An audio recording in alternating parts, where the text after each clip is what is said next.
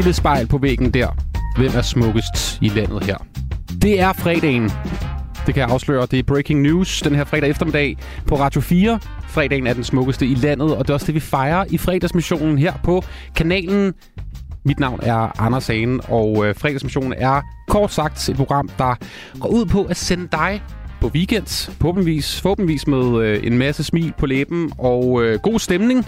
Det er det, det hele handler om. Vi fejrer øh, alt det gode ved weekenden. Både det alkoholiske, men selvfølgelig også det med, at man bare kan slappe af og læne sig lidt tilbage. Og øh, det er min mission frem til klokken. Det bliver 17 her på kanalen. Som altid er du velkommen til at både ringe ind på nummer 72 30 44 44. Vi har gode mennesker til at tage imod telefonen. Hvis nu du bare gerne vil ringe ind og fortælle, hvad du laver i weekenden, hvad du har planer fredag aften her, så vil jeg gerne høre det. 72 30 44 44. Du er også altid velkommen til at skrive en besked ind til mig på sms 1424. Du starter beskeden med R4, og så din besked koster en krone, og det er du altid velkommen til. Jeg elsker at høre fra dig, der lytter med den her fredag eftermiddag på Radio 4. Det er et live-program, og i dag der er der øh, en masse gode ting, som du kan se frem til i selskab med undertegnet. Du kan vinde 1000 kroner simpelthen 1000 kroner direkte ned i foråret.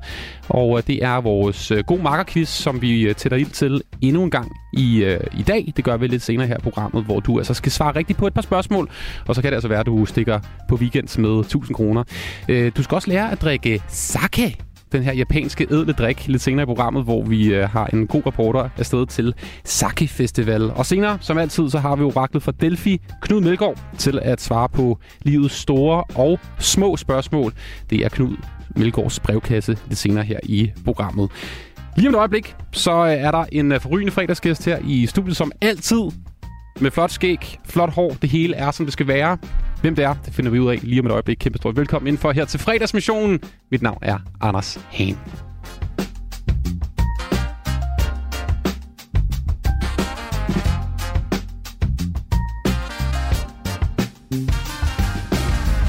Og det er dig, Thomas Gård. Velkommen hej, hej. til fredagsmissionen. Nå, for pokker, det er lige på hårdt. Det er lige på hårdt Jeg, jeg sveder som svin, det kan jeg lige så godt sige. Det synes jeg ikke, jeg kan se på dig. Du har ikke rigtig nogen... Altså, du har ikke pandekage under armene. Ah, så skulle du se, Hvad, hvis jeg hvad, tog tøjet af. Jamen, altså, hvorfor ikke? Øh, Thomas, hvad, hvad har du lavet? Du lige, du lige kommet med døren. Jeg siger dig, jeg har halset gennem byen, som var jeg Jens Fugt. Okay, Ja, så en gammel reference, men okay, fair nok. Jeg har været ude og hente en transporttaske til en barnevogn på Østerbro. Shit. Rigtig fredagsting, ikke? Ja. Og så, så kunne jeg lige pludselig se på klokken. Gud, den er, og jeg skal... Og så cyklede jeg som en galning. Ja. Som en galning med en transporttaske og en rygsæk. Og altså, børn og gamle damer måtte lade livet, eller i hvert fald flytte sig. Der ligger et spor af døde mennesker i Københavns gader. Det kan jeg ikke afvise. Nej, okay. Men jeg fik min transporttaske, og jeg nåede det næsten. Det er fuldstændig genialt. Du har bestilt en uh, kuldshaker. Ja, Den det kan du knap faktisk. de to op her. Jo. Øh, det er faktisk en shaker sport. Ja, det har jeg ikke smagt før, men Nej. Altså, jeg synes, at vi skal måske snakke lidt om det, men især måske i den her uge er, er kult-shakeren jo også lidt en gravshaker. Det kan man sige. Det er jo selvfølgelig for... Øh, det er, altså Sydney lige, eller? Det er lige, jeg ja. tænker på. Ja. ja, okay. Men ja, Mm. Tag lige en tår, Hold Thomas, og, og slap af og få temperaturen ned på de der syv- 37 grader i kroppen, som den skal være. Og du kan lige tage høretelefonerne Ja, på, fordi ja. det lyder jo allerede lidt som om, jeg ved godt, hvor din, din weekend er henne, men hvor er vi henne? Er vi, er vi her på, på weekendshumøret? nøgne damer, stripper og øh, gulasch og billige bajer. Eller er vi, er vi her? Vi glæder os i aften og får en Coca-Cola. Altså Coca-Cola, Ja, okay. eller stripper, gulasch og billig bajer? øh, jeg, jeg ville ønske, jeg var øh, stripper og billig bajer, men jeg er nok mere på Coca-Cola, Ja, desværre. altså en transporttaske og... Transporttaske og to børn, eller tre, nej, tre er der sgu, hold da kæft. Okay. Tre er der. Gud. Så han, han, han sidder ude på Østerbro. Nej, øh, så jeg er nok mere Coca-Cola. Øhm, Ja. Men det, det er virkelig dejligt med sådan en fredagsshaker her. Ja, det smager så godt. Mm. Øh, Thomas, hvis der er nogen, der er i tvivl, så er du øh, tv- og radiovært. Det kan vi vel godt kalde dig. Og så er du også Head of Entertainment på ja. Ja. streamingtjenesten Podimo. Det er rigtigt. Ja, det er rigtigt. Ja. Og, og influencer, kan vi også kalde dig det? Altså, det vil jeg aldrig... Om, om jeg så skulle sætte 100 år på mig selv, vil jeg aldrig kalde mig selv det, fordi jeg synes, der er sådan en negativ øh, klang over det. Hvad siger du i grunden, når du er Men hjemme altså, i... pengene er jo gode nok. Jamen, altså, hvor pokker man, transporttaske, det er jo dyrt. Øh, Sønder Fælling, hvad, hvad siger du, når du er derhjemme? Når folk spørger, hvad, hvad laver du egentlig, Thomas? Hvad siger du så? Øhm, så siger jeg, at jeg er journalist. det, det kan de sådan nogenlunde forholde sig til. Ja. Men altså, man kan sige, at tiden står også lidt stille øh, nogle steder i Sønderfælling, så der er jeg stadig Anders Lund Madsens praktikant, og det er sådan set fint nok. Okay. Altså, at forklare dem Podimo, eller forklare dem hvad entertainment er, eller forklare dem, hvad en podcast er. Altså, det er, det er lidt kompliceret, det hele. Men så lad os så lige blive med, øh, med det, som de måske husker dig bedst for, øh, nemlig altså øh, på talkshow med Anders Lund Madsen, fordi en af dine måske største fredage nogensinde, det var i oktober 2009, da det her skete. TV-seere fik i aftes en noget overraskende oplevelse, da de så Vild med Dans her på TV2. Budskabet var ganske anderledes, uventet og, mener nogen, upassende. Anne Naksholm, din lille næpsting. Hvad siger du til den her dans?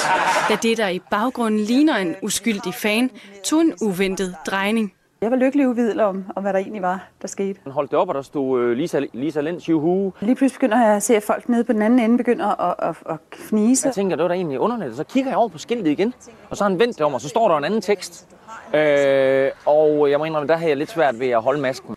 Det var en praktikant fra et DR talkshow, der havde snedet sig ind til TV2's danseprogram. I pausen røg han og skiltet ud igen. Ja, hvad gik det ud på det der?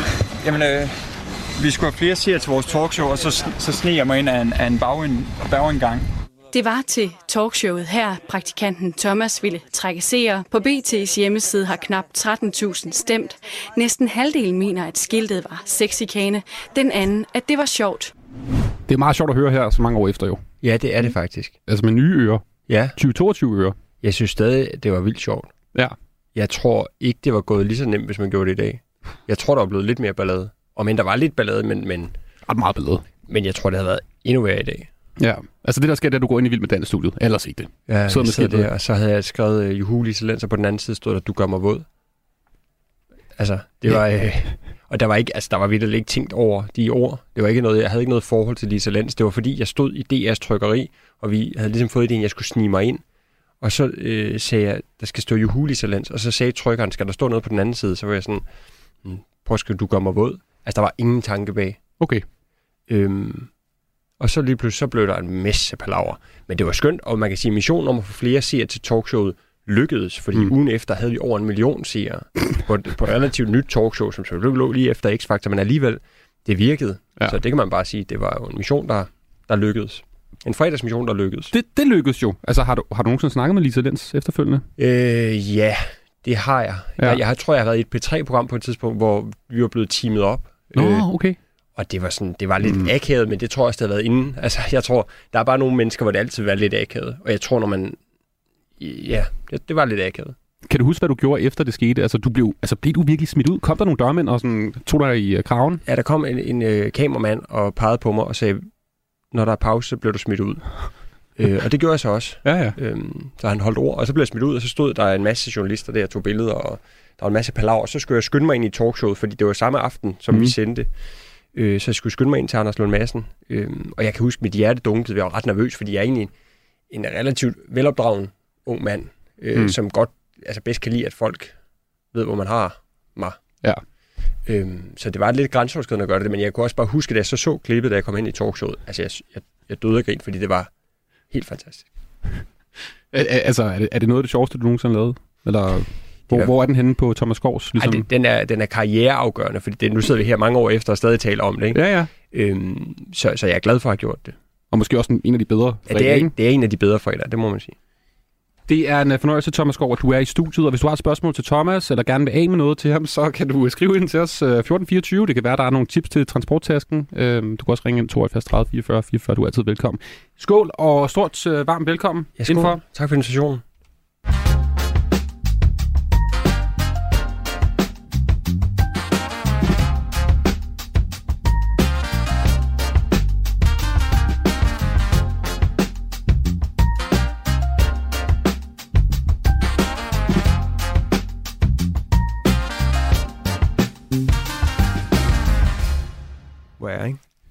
Ja, vi, vi sidder bare lige og snakker om klippet. Nå, for pokker, ja, ja. Det, det går hurtigt her i, øh, i programmet. Øhm, Det kan, jeg kan godt lide, altså, øh, jeg kan godt lide, at det ligesom er øh, lige på hårdt. det, det, Hvad, er, er det dig, der styrer det, eller det er jo de styrer det? eller Det er- det er mig, der styrer det Du styrer det, så siger du, nu er det simpelthen nu. ja, nu, nu kører vi Okay, perfekt. Jeg kan lide det. Det er Flow Radio, ikke? Ja, for fanden det, det skal køre. Øh, Thomas, du nævnte lige jo, at øh, du har to, måske tre børn. Ja. Øhm, Ellen, Otto og Axel. Mm. Kan I godt kun lide altså, tostavelsesnavne?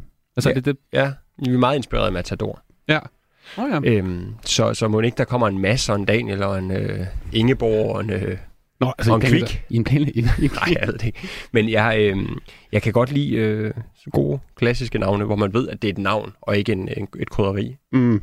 Det, det, Jeg er ved ikke, altid hvad hedder dine børn, hvis du vil fortælle det? Det vil jeg gerne. Anker og Karl. Ja, det er også gode, klassiske navne. Jamen det, der er sket, der, fordi vi tænkte jo, nå, det er der ikke så mange, der hedder. Nu er vi flyttet ud i forstaden. Naboens dreng hedder Anker. Genboens dreng hedder Karl. Ja, Og ved du så, så er jeg jo bare en basic bitch igen. Sådan er det. Ja, men øh, jeg kunne godt tænke mig, fordi at, øh, jeg synes, det er ret vildt at have tre børn jo. Altså jeg synes virkelig, det er sådan en, jeg, bliver, jeg besvimer ved tanken Okay. om det. Fordi Ja. du, det er jo fra 6 til 0, ikke? Jo. Ja. Altså, hvordan har du tid til at sidde her? Det forstår jeg ikke. Jamen, nogle gange er det meget rart at så sige til Emilie derhjemme, altså min kone, jeg skal på arbejde, og så sige, det her er arbejde. Jeg sidder og Der er, ligesom, der er respekt for, at man skal på arbejde, ikke? Ja. Øh, Jeg sidder og drikker kuldsjæger med dig.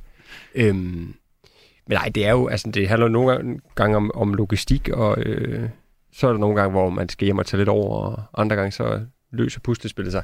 Det er aldrig sket, at det ikke har løst sig, vil jeg sige. Altså, I har ikke glemt nogle børn? Jeg har ikke glemt nogen børn endnu, og øh, de er vel ernæret og sunde og. Så altså, at, umiddelbart går det godt, også med tre børn. Han er selvfølgelig også kun fem måneder, den mindste. Oh, ja. Så, så der er et par år at løbe på, men, men det er, altså, jeg synes næsten, det var hårdere at få barn nummer to end barn nummer tre.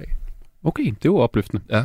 Øh, Hvordan, øh, altså det, det er sådan en ting, jeg har lidt svært ved at, at sætte mig ind i, altså det der med, når der så er tre børn, så er der, eller det, det er nemt for mig, men jeg, jeg, jeg synes, det virker så uoverskueligt. Der må være så mange ting, du siger nej til hele tiden, ikke? At det kan du ikke.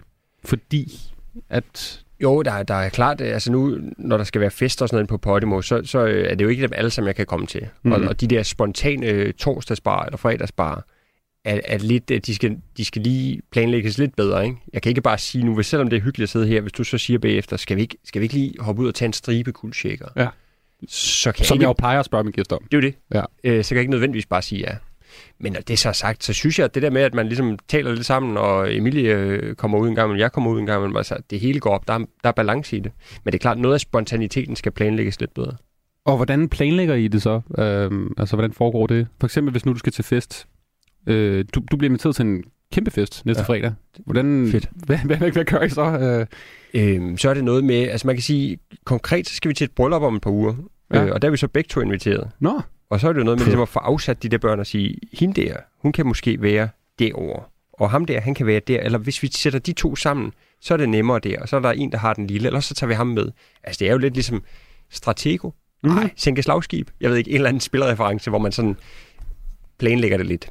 Øhm, men, men jeg føler egentlig, altså stadigvæk, at det, det er sådan, det går okay. ja. Og så må jeg også bare sige, at med børn, synes jeg også, der er kommet en erkendelse af, at der er bare ikke noget, der er vigtigere end dem. Så hvor da jeg var ung i DR og, og fuld fart, og det kørte bare, og hele tiden ville ud med, med kolleger og venner og sådan, så, så er der nogle andre prioriteter nu. Nu vil jeg sådan set hellere være derhjemme og se Vild med Dans, og håbe, der dukker en op i baggrunden. Der er du nu, simpelthen. Jeg er i hvert fald på vej derhen. Okay.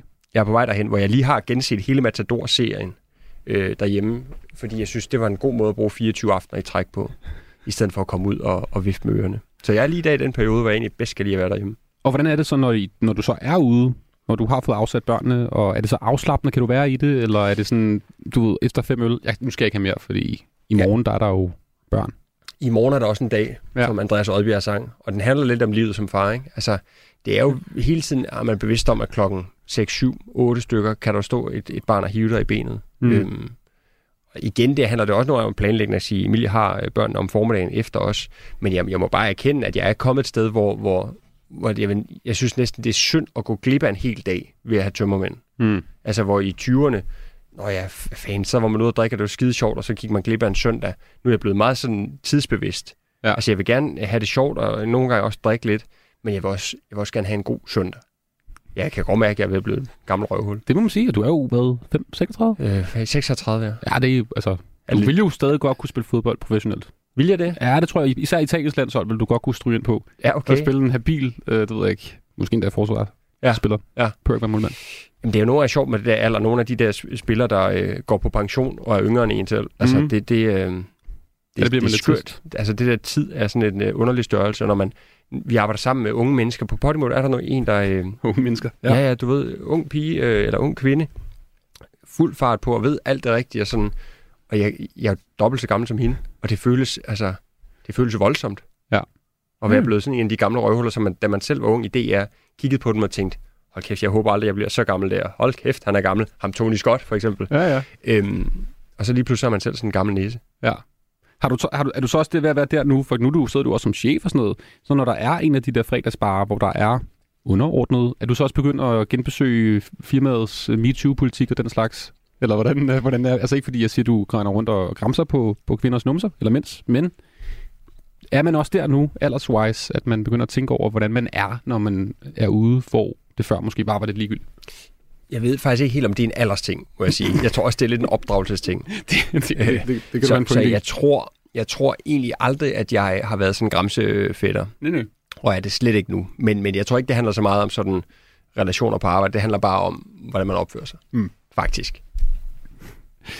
Hvad er det, det vildeste party-setup, dig og Emilie, din kone, har kørt egentlig, i forhold til det med at have børn? Fordi der er man jo også ofte ude i nogle, som du selv siger, ret vanvittige situationer, hvor at man, nogle er over hos en bedsteforældre, og nogle er bam, bam, bam. Nogle gange er der nogle børn hjemme måske, mm. samtidig med, at man prøver at holde gang i en eller anden fest. Ja, ja. Nytårsaften eksempelvis, en klassisk, lidt powered, deprimerende Mm. aften, når man har børn i hvert fald, og man prøver gerne stadig vil, vil holde fest. Har du nogle gode oplevelser, eller dårlige oplevelser? Jeg vil sige, en, en babyalarm kommer man langt med. Altså, ja, vi var på et tidspunkt øh, på Lynes Surfcenter, et skønt sted mm. Mm. oppe ved Hundestedet, hvor øh, der er sådan et surfcenter, og så var jeg blevet spurgt med mine, øh, med, om jeg ville være, være quizmaster og DJ sammen med Nikolaj Koppel, som jeg arbejder sammen med. Ja. Og det ville jeg gerne, og så havde vi, øh, eller, jo, vi havde familier med. Han har selvfølgelig ikke små børn, men det har jeg, så Emilie og ungerne var med. Og så havde vi en, en lejlighed oven på surfcenteret, hvor vi så kunne putte de der børn. Ja. Så vi er altså ude i scenariet, hvor jeg står og er DJ med altså dinosaurkostyme og en babyalarm liggende på, på DJ-pulten. Det synes jeg alligevel var et, et, et nyt sted i mit liv at være. Ja. Og det, det synes jeg er sjovt at tænke på, når man ser DJ's stå op ved pulten. Ja, ja. Der kan potentielt ligge en øh, babyalarm ved siden af Tiesto. Jeg ved det ikke. Men så er der også en grund til, at man står der og dimser, ikke? Jo, jo. Jeg ved ikke, hvad de ellers laver. Men, men, Pas men, på med at trykke på knappen, hvor man så snakker tilbage. præcis. Talkback-knappen, ja. det vil være en uh, katastrofe. Ja.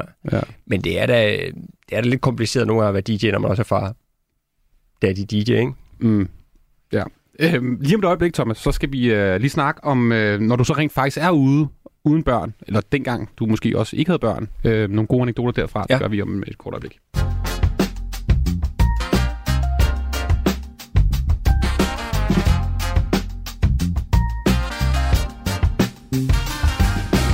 Det er fredagsmissionen på Radio 4, som du lytter til den her fredag eftermiddag. Det er Thomas Skov, der er i studiet, radio, tv-vært, Podimo-chef, som øh, sidder og underholder med gode episoder omkring fredag og weekend, og det er det, hele programmet handler om.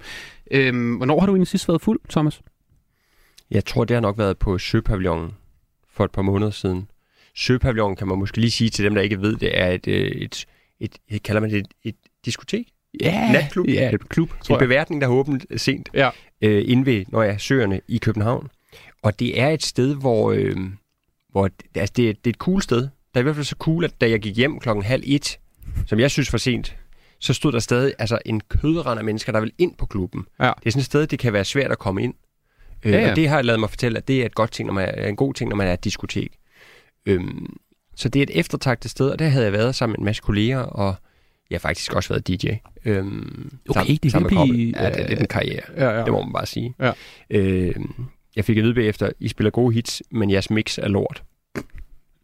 Det må Øhm, koble til. Ja. Det er på hans kappe. Og der var jeg, der var jeg lettere bedukket, vil jeg sige. Jeg, Ja. jeg mistede desværre et par, et par øh, lynhurtige cy- cykelbriller, jeg havde haft på undervejs, mens jeg spillede, og der var, jeg, der var jeg ret bedukket. Jeg havde ellers været så meget nervøs og meget sådan ædrolig op til, vi skulle spille. Mm. Og da vi så var færdige med at spille, så var det som om, så gav jeg los, og så blev jeg lige lidt fuldere, end jeg havde regnet med og havde lyst til. Men altså, der er det gode jo at komme tidligt hjem, så man også kan nå at blive et år få en dag dagen efter. Nå, hvad, hvad, hvad er din øh, foretrukne sådan, drik så, når du står der på Søpavillonen eksempelvis? Hvad vil du gerne have at drikke? Man kan sige, jeg er, jeg er meget sådan en type, hvis jeg, hvis jeg blander typer af alkohol, ja. så går det galt. Okay. Altså hvis jeg holder mig til øl, for eksempel, så kan jeg næsten drikke altså, uendeligt. Ja. Hvis jeg holder mig til vin, så kan jeg også drikke uendeligt. Men det sekund, jeg har øh, øh, fået øl og vin, så går det galt. Ja. Øhm, så jeg er meget sådan, jeg ligger, øh, jeg ligger linjen fra starten af dagen. Siger, i dag, der kører vi kun øh, vodka og øh, Fanta. Hardcore. Så skal det nok gå. Ja. Men det sekund, jeg begynder at blande, så går det galt. Bier und Wein, Magdans Wein. Hvad for noget? Det kender du ikke? Hvad er det for et udtryk? Det er en et tysk udtryk, tror jeg, hvis nok. Prøv lige at sige det igen. Bier und Wein macht ein Schwein. Bier und Wein macht ein Schwein. Jeg kan godt lide det. Ja. Er det øh, refererer det til det der med ikke at blande alkohol? eller? Ja, men det er noget med, så hvis det er Wein und Bier, så er det et eller andet, så er det okay. Nå, Det er noget med, at det er okay at drikke vin først, og så øl bagefter. Okay. Men du må ikke drikke øl, og så vin. Så Jamen altså, hvis tyskerne siger det. det er det, det er det. Hvornår har du sidst brugt øh, over 1000 kroner på en bytur? Altså, hvor du virkelig har været ude og... Jamen, det, har, det har nok faktisk været der. Nå, det, har, okay. det har nok været den aften. Vi, vi fik selvfølgelig noget alkohol og noget for at spille. Øh, men, men da jeg så vågnede dagen efter, så var det den der klassiske, hvor jeg lige skulle have brækkerne til at falde sammen, eller p- falde på plads. Ja. Og var inde og kigge på Dankort-appen på telefonen og kunne se, uh, der var vist, der var vist nogle shots der. Og så inde og sammenligne med nogle billeder på telefonen. Og sådan prøve ligesom at lægge puslespillet. Og der var, der var det over 1000 kroner. Men er, du sådan, du, du... Jeg skal have en flaske, og du, du ved, de kommer ind med sådan en fontæne og sådan noget. Er det Ej, det, det, du det, gør? det, vil jeg faktisk sige, det er mange år siden, jeg har været den type. I starten af min karriere, øh, hvor lige pludselig begyndte øh, man, i hvert fald jeg, blive inviteret ind steder, og man kunne ligesom få nogle flasker og sådan noget. Der var det svært at styre, når man så havde fået de flasker, man kunne få, så skulle jeg lige vise, at jeg var en stor kanon. Ikke? Ja. Uden at det blev sådan, føler jeg, usmageligt, men det var noget med ligesom at lægge sit vis elektron op i barn og sige, jeg skal bare have, og der skal være fyrværkeri i. Det, det er længe siden, jeg har haft det sådan. Mm. Det er ikke så meget det der øh, store, hele flasker længere. Men det lyder som om, du har været en ja, sådan fiskkong. Altså Ja, dig ja, og... det- er det, hvad, hvad, Det er jeg simpelthen nødt til at øh, dementere. Altså, det har jeg aldrig været. Nej, okay. Jeg, jeg øh, har mere været en fest klodshans. Altså, jeg, jeg har godt kunne lide at gå i byen og have det sjovt og møde nogle sjove mennesker og have det, have det fedt med, med vennerne. Men, men det der med sådan at, at ture øh, weekend efter weekend og dag efter dag, det, det har jeg aldrig gjort. Hvad, øh, hvad er det dummeste, du så har gjort, når du har været ude og været øh, fest klodshands? Mm, jeg tror næsten, at, at sådan, det der med at være fuld på, på krammermarkeder, har været noget af det, hvor, hvor jeg har været mest øh, dum. Ja. Eller, eller i hvert fald mest sådan øh, ja, udfordret. Fordi det der med at, at drikke og få ligesom, de økonomiske parader lidt ned, og være et sted, hvor du kan købe alt. Altså en, en hest? Og... En, en hest, det har jeg så aldrig gjort. Jeg fik anekdoter fra folk, af, af, eller mine venner deroppe fra, som, som rent faktisk havde præsteret at købe en hest, da de var fulde. De fik den ikke med med det samme. Så fik de et dokument, hvor der stod, at du har købt en hest. Og dagen efter vågnede de op og havde glemt, at de havde købt en hest, og så ejede de lige pludselig en hest. Øhm, men det der med at være et sted, hvor du kan købe altså alt skrammel, Ja. det har jeg svært ved at styre. Så jeg har både købt gasmasker, og jeg har købt 100 par sokker, og alt muligt stas, ikke, som man ikke rigtig kan bruge bagefter. Er det ikke også noget med, at du har været op og slås på et øh, krammermarked engang? Jo, op og slås, op og slås. Altså, jeg fik tæsk i hvert fald. Nå ja, okay. Øhm, ja. Så, så, og det var også på Hjallerup Marked. Også fordi jeg, jeg var lidt nysgerrig, jeg er nysgerrig anlagt. Så der var en, øh, der hed Henning, der sagde, kunne du tænke dig at se, hvordan man starter et slagsmål? Og det sagde jeg selvfølgelig ja til. Og så kastede han øl på nogle unge mennesker, der stod, og så fløj de på os. Men Henning er en stor fyr, så det var mig, de tævede. ja. Nå, Øhm. nå, han gjorde det ikke for, at du skulle få tæsk. Altså, han gjorde det også, fordi han selv gerne ville. Jamen, han, var sådan, han, han tænkte ham, Københavneren, som han kaldte mig, det var jeg jo ikke. Øh, han skulle lige se, hvordan man starter en slagsmål. Ja. Så det var sådan ligesom for at vise mig, hvad kan Hjallerup Marked også? Okay. Det var, ja. Hvad synes du om oplevelsen? Altså, var det noget, du har lyst til at genbesøge? Og på Trustpilot tror jeg, jeg vil give den en. Ja, okay. Fordi det er fint at have prøvet, det er ikke noget, jeg skal prøve igen. Øhm, når du så er... Nu går vi så lige tilbage i byen, og ikke på, på markedet der. Når du så er i byen, hvad skal du så høre? Nu kan jeg forstå, at du er jo blevet DJ og den slags. Hvad, hvad er ligesom nummer rødt, du skal sætte på og høre? Det er som om, at min, min sådan musiksmag, hvad, hvad øh, fester angår, sidder lidt fast i der i, i startnullerne, Ja, hvor jeg måske gik mere ud, end jeg gør nu. Så det er sådan noget øh, klassisk, gammel dansk øh, hiphop, og, øh, altså, eller Hampenberg, eller du ved, sådan noget af det der dak dak give finger musik. Ja. Øhm, så jeg har en stor... Giv finger, giv fingermusik. Ja. Hvad, nå, hvad er det? Sådan noget, jamen, Mm, jamen, spørg, spørg du rigtigt? jeg, jeg, jeg er nysgerrig også. Jeg, Øhm, jamen, når man sådan gik til halvbal og sådan noget i gamle dage. det, jeg har aldrig været til halvbal. Hvorfor, noget? Hvorfor har du ikke det? Jamen, Jeg kommer fra Lyngby. Der gik vi ikke til halvbal. Så er du ikke ledet. Nej, det er det. over i Jylland, Ja. så er der noget, der hedder halvbal, hvor det for eksempel kan være i Sønder Omme, som er 14 km fra Sønder Fælling, hvor jeg voksede op. Og der er jydefest hver år, det hedder det. Og så er der ligesom... Øh, Jydefest. Ja, det hedder det. Ja. Øh, så øh, er der øh, for eksempel Hampenberg kom et år og spillede, og spillede de der øh, dogtøj-musik Mm. mm. og sådan noget der. Og så øh, er der en masse unge mennesker, helt spæde øh, unge mennesker, nysgerrige på livet og på hinanden og på hinandens kroppe og sådan noget. Så sker det ofte, at man ligesom ender med at stå meget tæt med, øh, med, med andre mennesker. Ja. Og eventuelt, det har jeg faktisk aldrig selv praktiseret som sådan, men, men så kan man eventuelt give, give fingre til en, øh, en kvinde, man lige har mødt. Okay. Med samtykke selvfølgelig. Man Ja, ja, ja, fingre uden. Nej, nej, nej, nej. Det, det er også vigtigt på Podimo, at I lige hører det her. Ja. Ja. Altså 100 procent for, for alle. Men der er det sådan noget, der, der, der er musik og give fingre til er sådan noget godt rytmisk musik. Altså med, med sådan en god BPM, du ved. ja, ja, klart. Og hvad, hvad, noget- hvad, hvor er vi henne? Altså, det er vel ikke... øh, 110. vi- Okay, ja. 110 bpm, det er Så noget af det helst bedste. noget Hampenberg. Er du sindssyg? Ja, det er rigtig godt, Det, de fik fungerer godt. Og hvad så, når du er på vej hjem? Øhm, hvad, hvad er den perfekte spise? Fordi der ved jeg, at du også er, er kulinarisk anlagt. Du vil jo også gerne have det rigtige. Det er klart, der skal lige sådan et, et prik øh, over i'et efter sådan en aften der, ikke? Ja. Så det er øh, naturligvis, vil, vil jeg næsten sige, en rullekebab. En rullekebab. Ja. Øh, og faktisk var i, i mange år, var det kun i, i nattetimerne, jeg kunne spise rullekebab. Mm. Og jeg husker oprigtigt en, en, sådan, en lettere skam ved at spise rullekebab i dagslys, som var der indtil for fem år siden, vil jeg tro. Da jeg var på barsel med Ellen, ja, hun bliver syv lige om lidt, så okay, fem-seks år siden, øh, da jeg var på barsel med hende, så kan jeg huske, at jeg en, en dag til frokost valgte at købe en rullekebab. Og jeg kunne mærke, da jeg gik ud af det her, den her kebabrestaurant, med den her rullekebab i hånden, der følte jeg en lille smule skam. Ja. Fordi jeg tænkte, det kan man kun spise i, i, i natten, det her. Men spiste den så, og det fungerede. Der var ikke nogen, der kiggede på det. Upåklageligt. Mm. Og siden da har jeg næsten ikke kunne stoppe igen. Mm. Så, øh, så kebab dag og nat. Perfekt, øh, ligesom øh, Gilde her, du, du beskriver af det ene og det andet. Øh, jeg ved ikke, om det, det er god øh, give fingermusik, men det er i hvert fald et nummer, som du synes er øh, et godt fredagsnummer, som du har ønsket. Og ved du hvad, det er faktisk Mads Bo fra Flæk ønskede også det her nummer, da han var på besøg. Så det passer. Det, det passer. Tiden er ind, baby. Nu kan du få alle dine spørgsmål besvaret vedrørende Johnson. saddening me. Prøv at se, hvordan folk de glor. For jeg går med mere end hvad de ejer, der hvor de bor. Mit navn er Johnson, baby. Og jeg giver ikke en tur til London, baby. Men en taxa, hvis du vil komme så, baby. Tror du, jeg vil være din kæreste? Næh, næh, næh. Som om, baby.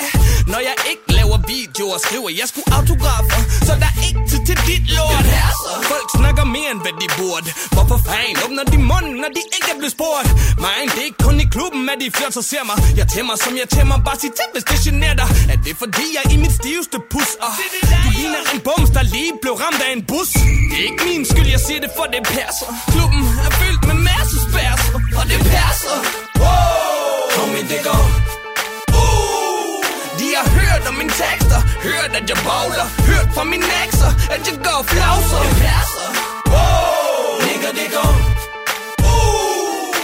Det passer at mine tekster. Handler om jeg bowler. Ved du ikke applauser Kender du ikke Johnson? Det passer. Det er ham fra Johnson og Malone Med det underlige flow. Et bandana og en cap på. Skrå Jeg når ikke ind i entréen For der står en lille tøs Og tager mig på banen og siger jeg er lækker. Og hun vil med mig når jeg jetter Og sætter tanker i mit hoved Når hun snakker om hvor godt hun knæpper. Hun skærer tænder når jeg kun er i min do-rag. Hun siger de kilder ned det passer. Men det er ikke noget nyt for mig. Og alle de unge rapper her vil gerne bytte med mig. De køber fubu i stedet for at øve sig lidt. Men de får aldrig game for den kan de ikke købe sig til. Og folk de spiller hård uden at vide hvornår de skal stoppe. Men det går ikke i det kvarter hvor jeg voksede op. Og når det går galt, gæt hvem der står der. Danmarks originale Big Time Bowler Det passer. Wow. homie, det går. Uh.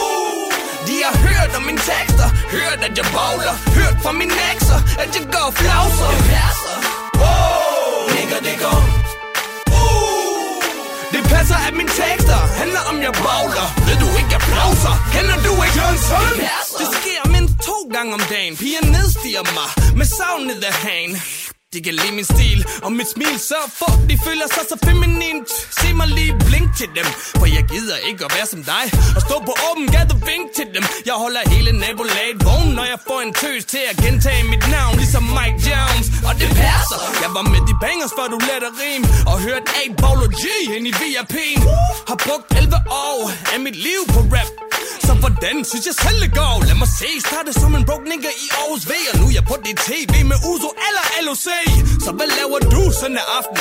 Jeg mixer ud og ruller op på pladekontrakten Og det passer wow. Kom i det går uh. De har hørt om mine tekster Hørt at jeg bowler Hørt fra min ekser At jeg går flauser Det passer wow. Nigga det går uh.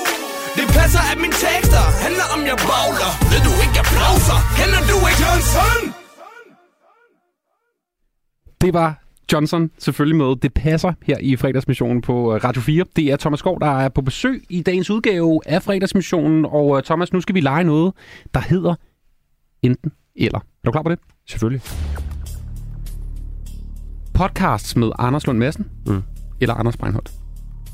Altså, ej, hvad for noget? Skal jeg vælge mellem mine forældre? Eller ja, det skal du. Kan jeg ikke vælge dem sammen? Ikke enten eller. Jeg har jo øh, altid, og vil altid have en helt særlig plads i mit hjerte for Anders Lund Madsen. Nå, hvorfor? Fordi han var et idol allerede, da jeg var en lille dreng i Sønderfælling. Der Mm. ikke, jeg, jeg har fundet min hjemmeside, fra da jeg var 13 år gammel, og på den er der en fan, der hedder Idoler, og der står Pamela Andersen og Anders Lund Madsen. Så jeg, tager, jeg, vil, jeg, vil nok, jeg vil nok være nødt til med, med en pistol for panden at sige Lund Madsen. Vi bliver lige i podcastformatet. Øhm, podcast med Mette Frederiksen, der interviewer folk på Podimo, Ja, nej tak. eller podcast med Lars Lykke, der interviewer folk på Podimo. Øh, Lars Løkke. Nå, hvorfor? Oh. Nå, Jeg tror, der er... Altså, en ting er det der med, når man ikke er minister længere, så har man ligesom sænket skuldrene på en anden måde. Så er man, ikke, så er man lidt mere ligeglad med, med, hvad man siger. Jeg ved godt, Lars han har også noget ja. at kæmpe for nu. Ja, ja. I, I know. Men, men, men jeg vil tusind gange hellere høre på øh, historier fra en, der ikke sidder længere, som ligesom kan slappe lidt mere af og fortælle nogle flere røverhistorier. Og så synes jeg, Lars virker noget mere øh, sympatisk. du bruger du ikke den der. Ham vil jeg gerne drikke en øl med. Det, det synes jeg bare altid, man hører. Han vil da gerne drikke en kul shake. Okay, ja, endnu bedre. Øh, Brian Laudrup eller Michael Laudrup på de 5 Michael Laudrup. Ah. Han, han, han er øh, for mig så ikonisk, øh, og så øh, han er med skudestatus. Brian er på vej opad, men, men jeg synes alligevel, Michael er øh, en kæmpe karakter. Peach Melba eller Per Banan? Yoghurt altså. Ja, øh, Per Banan. Igen, lidt ligesom det der med navne. Jeg kan godt lide navne, man forstår. Per Banan ved jeg, hvad er. Peach Melba. Jeg ved faktisk ikke helt, hvad det er. Men så forstår jeg ikke uh, dit interview med uh, Mejeri-tidene uh, tilbage fra 2014. Hvis du lige læser op. Ja, det kan jeg godt se her. Det har jeg godt nok skrevet. Peach Melba yoghurt skuffer aldrig. Hvad er dit yndlingsmejeriprodukt? Jeg elsker Peach Melba yoghurt. Jeg er endnu ikke blevet skuffet af en Peach Melba yoghurt. Det er det magiske ved det. En kop kaffe kan, gå, kan være god eller skidt, men en Peach Melba yoghurt kan kun være god. Hvis de havde været mere opfindsomme, da de skrev Bibelen, så havde det været Peach, Peach Melba og ikke brød, de gav til de fattige. Meget sjovt. Har jeg sagt det? Ja, Mejeritidene fra 2000 og... Kan det være, det er 14 eller sådan Ja, noget? jeg er 25 år her, så det, ja, det er nok noget... Jeg er 11 så faktisk. Øhm, det, det overrasker mig faktisk, at jeg har sagt det her. Ja. Men, men Kan det du huske også, Nej, jeg kan slet ikke huske det her interview. Det kan jeg slet, slet ikke huske. Øhm, så, der, jeg, siger, jeg siger her, at jeg spiser det 60-70 procent af alle morgener. fordi jeg har fundet en kæreste, som er lige så glad for Peach Melba. Og jeg tror, vi spiser i underkanten af 100 liter om året. Er du afhængig? Jeg tror godt, jeg kan stoppe, men jeg ser ikke nogen grund til det.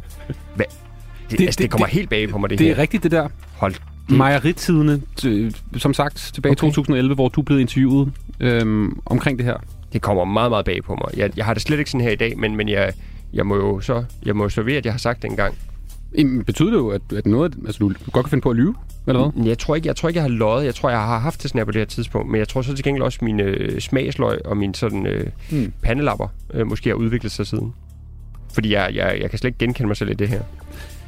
To uger med abekopper, eller et år med corona. Hvis det kan være det corona, jeg havde, det jeg havde det, så vil jeg gerne have et år med det. Ja. Fordi jeg lagde ikke mærke til, at jeg havde det. Hvor abekopper, det lyder sådan udenbart lidt... Det lyder lidt klamt. Jeg er ikke sådan helt inde i detaljerne med, hvad der sker med en, hvis man får abekopper, men, men jeg skal ikke have det. Nej. Ellers tak. Jeg tror heller ikke, du skal google det. Bones eller Jensens? Bones.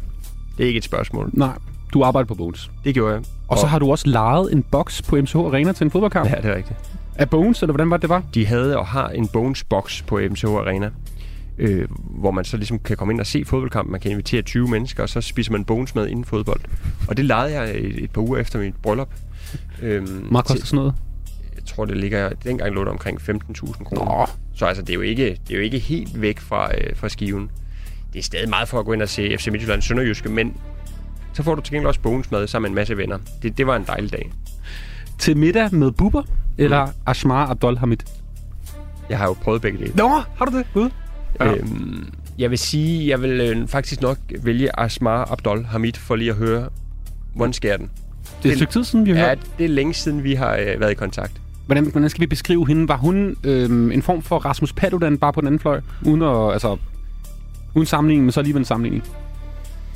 Ja, hun er i hvert fald en interessant karakter, der ikke rigtig ville give hånd, men hun kunne godt lide at servere yoghurt. Det var sådan noget 4 stjerners middag, jeg lavede dengang. Og jeg tror, jeg var med på et afbud, fordi jeg ringede om fredagen og sagde, kan du være med på mandag? Det er Asmar Abdul Hamid. Det er hende Janie fra Melodi Grand Prix. Og så er det en, der hedder Robert Lubarski, der er seksolog. Det er mange år siden. Ja. Det er også sådan, det lyder sgu fedt. Var det fedt? Det vil jeg gerne. Det var ikke fedt øh, som sådan, nej. Øhm, det var faktisk... Det var lidt grænseoverskridende. Mm. Men øh, igen, jeg kan bedre lige sige ja, end jeg kan lige at sige nej, så Hvor meget får man for at være med i sådan noget? jeg tror, jeg fik 15.000 For at spise middag? Med et, for et... at spise fire middage. Nå, ja. Men, men igen, det er jo mere, end jeg får for at spise aftensmad til daglig. Hvad så med Bubber? Hvordan var det at spise middag med ham? Øh, det, var, det var i, øh, til middag hos øh, for nogle år En- siden. Ej, det er nok En anden år siden. franchise. Ja, Ja. præcis. Samme koncept. Øhm, jamen, han, han, han... Buber har altid været en del af mit liv, fordi jeg husker ham fra badekarret, da jeg voksede op. Øhm, jeg synes, det med at spise middag med ham dengang var lidt overraskende, fordi han gjorde meget ud af at svine min mad. Hmm. Mm. Svine de tarteletter, jeg serverede, og det stegte flæsk. Og der synes jeg, uanfægtet øh, hvem det er, det er en underlig tilgang til at spise middag og sidde og svine maden til. Ej, det gør man ikke i Sønderfælling. Det gør man ikke nogen steder. Nej. Er mit indtryk. Det vil du heller ikke gøre i, i, i Lyngby. Nej, nej. Nej, der er... Jeg tror ikke, at man... Nej. Nej, vel? Nej, nej. Så, så, øh, men jeg, jeg tager smart for ligesom at høre, det. Så tager vi lige den, øh, den aller sidste. Skov eller Gårdsvig? Gårdsvig. Thomas Gårdsvig? Det er, ja, skov det er ligesom det, jeg br- bruger, når jeg skal lave noget. Så man skal kunne google. Så det er dit kunstnernavn, Thomas Skov, og Thomas Gårdsvig er dit øh, ved ikke, navn, når du googler ting altså, jeg på vil sige, nettet. min, mine børn hedder Gårdsvig. Øh, de hedder ikke skov. Nå. Fordi det er, altså, skov er nemmere at google eller sige højt end Gårdsvig. Så bliver det sådan, hvad, hvad sagde du? Og er det med stave det, ikke? Er det med G? Hvor, altså, hvad sker der her? Så øh, Gårdsvig er ligesom det, øh, jeg bruger. Skov er det, jeg bruger. Kunne du huske den dag, hvor du tog det aktive valg? Mit kunstnernavn er nu Thomas Skov. Nej, det kan jeg faktisk ikke. Jeg kan huske, i starten var jeg sådan lidt i tvivl, når jeg skulle øh, sige mit navn. Skal jeg sige det hele, eller skal jeg sige det halve, eller hvad skal jeg gøre? Så på et eller andet tidspunkt tror jeg bare, at jeg har låst mig fast på, nu er det bare skov. På Twitter hedder jeg stadig Thomas Gårdsvig, men det var fordi Thomas Skov var taget. Sådan, sådan er der så meget.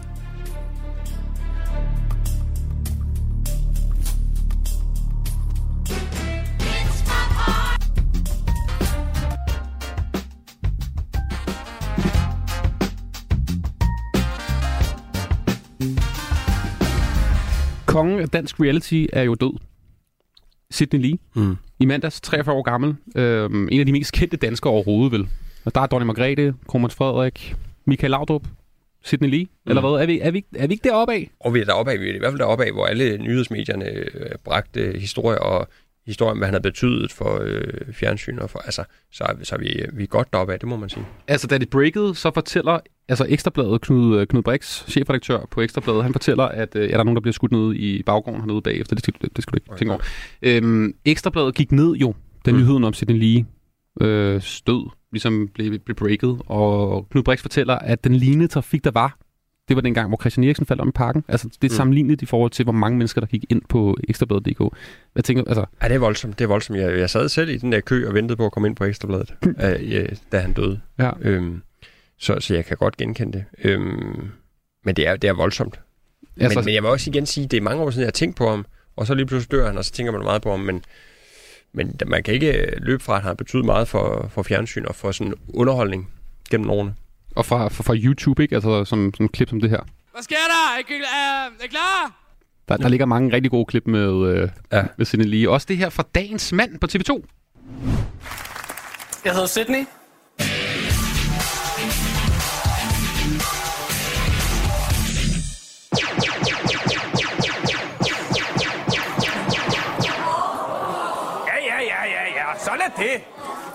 Var det, de slukkede var det alle? altså. Det var, der var alle på nær to.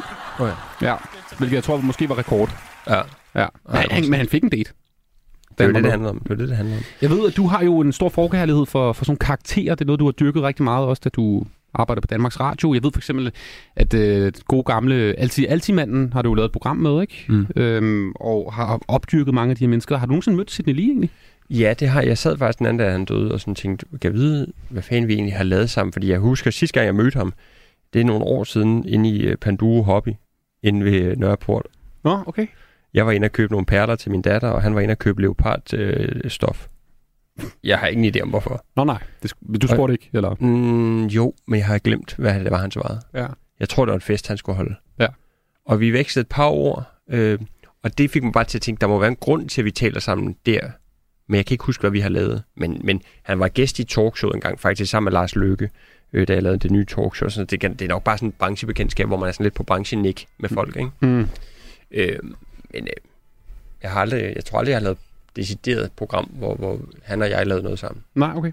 Hvad tænker du sådan umiddelbart om, om, om de ting, han har lavet, den slags, og reality-fjernsyn, som han har, øh, og hvad han, dens betydning han har haft for reality-genren? Jeg synes, øh, man kan ikke tage frem, at han var en øh, original, og dem skal vi hylde. Altså, fordi det kan, det kan godt blive så poleret det hele.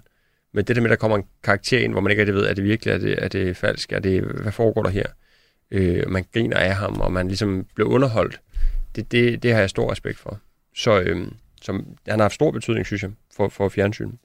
Jeg, jeg husker ret meget, da han kom frem. Jeg, jeg, han var sådan en type, jeg, havde, jeg kunne ikke lide ham. Jeg kunne dyr, men det var sådan en, man, man grinede af, og synes han var nar og selvbruner og alle de her ting og sager og sådan noget. Og what, han gamede. Altså, Mm, mm. Men der er jo mange af de ting, der rent faktisk måske i virkeligheden, at der hvor vi er nu her i 2022, folk der rent faktisk er Astralis, og folk der tjener penge på, de er jo superstjerner nu på at spille øh, computerspil. Det gjorde han jo Mm. i princippet. Det var arkadespil den slags, men han var jo verdensmester til det, og helt alle mulige ting og sager. Og mænd, der tager selvbruner på og går meget op i deres udseende, er jo ikke sådan fuldstændig fjern, vel? Altså, Nej, nej, nej, nej, der har sikkert været en frontrunner på, på nogle ting. Øh, men jeg husker ham nu mest sådan for de, de sjove ting, og de, øh, altså single-liv, og altså der, hvor der ligesom, det var noget helt andet, end, end det, man kendte. Ja. Jeg, fandt, jeg, har, jeg har også fundet sådan et klip, øh, hvor han udtaler sig til øh, TV2, Michel Belage, omkring, hvordan han gerne vil huskes. Ja. Ja. Ret vildt Nå, faktisk, okay, wow. øh, og der kan du lige prøve at høre. Ja. Hvad er det, du gerne vil huskes for så, Sydney? Jamen, det, altså, nu har jeg lige fået ugens brænder, det ser jeg hør. Det er ikke sådan noget, med, at man har kysset med 13 piger et eller andet sted. Eller sådan noget. Altså, jeg vil gerne huskes for en eller anden, som lavede noget på tv, som ingen i Danmark havde set før, og man husker tilbage, selv om 25 år. Jamen, det er Sydney lige. Og den ramte han jo faktisk ret Det må meget. man bare sige, ja. Ja. Hvad, hvad er det med dig og de her sådan reality-karakterer? Fordi jeg nævnte lige øh, den gode gamle Svend Skov, altså altid altid manden, ja. som kører på motorveje. Det gør han altid. Det gør han altid, altid og sådan noget. Og du, du, du dyrker nogle af de her typer her. Hvordan kan det være? Jamen, jeg tror, det der med, at der er nogen, der ligesom tør være anderledes end, end alle andre, det, det synes jeg er så fedt. Uanset om det er så nogen, der har gjort sig dygtige til noget, eller nogen, der er lidt en karakter, eller nogen, der bare er nogle særlinge. Altså, vi skal 100% sikkert hylde alle dem, der falder lidt uden for normalen. Fordi ellers så kan det godt blive så gråt og kedeligt, det hele. Øhm, så øhm, uanset om det så er folk, der er kendt, eller i fjernsynet, eller hvad fanden de er, eller om det er bare nogen, man kender fra, øh, fra sit nabolag, eller sin hverdag. Altså, jeg synes, man- skal hylde alle dem, der tør være anderledes, og dem, der er det.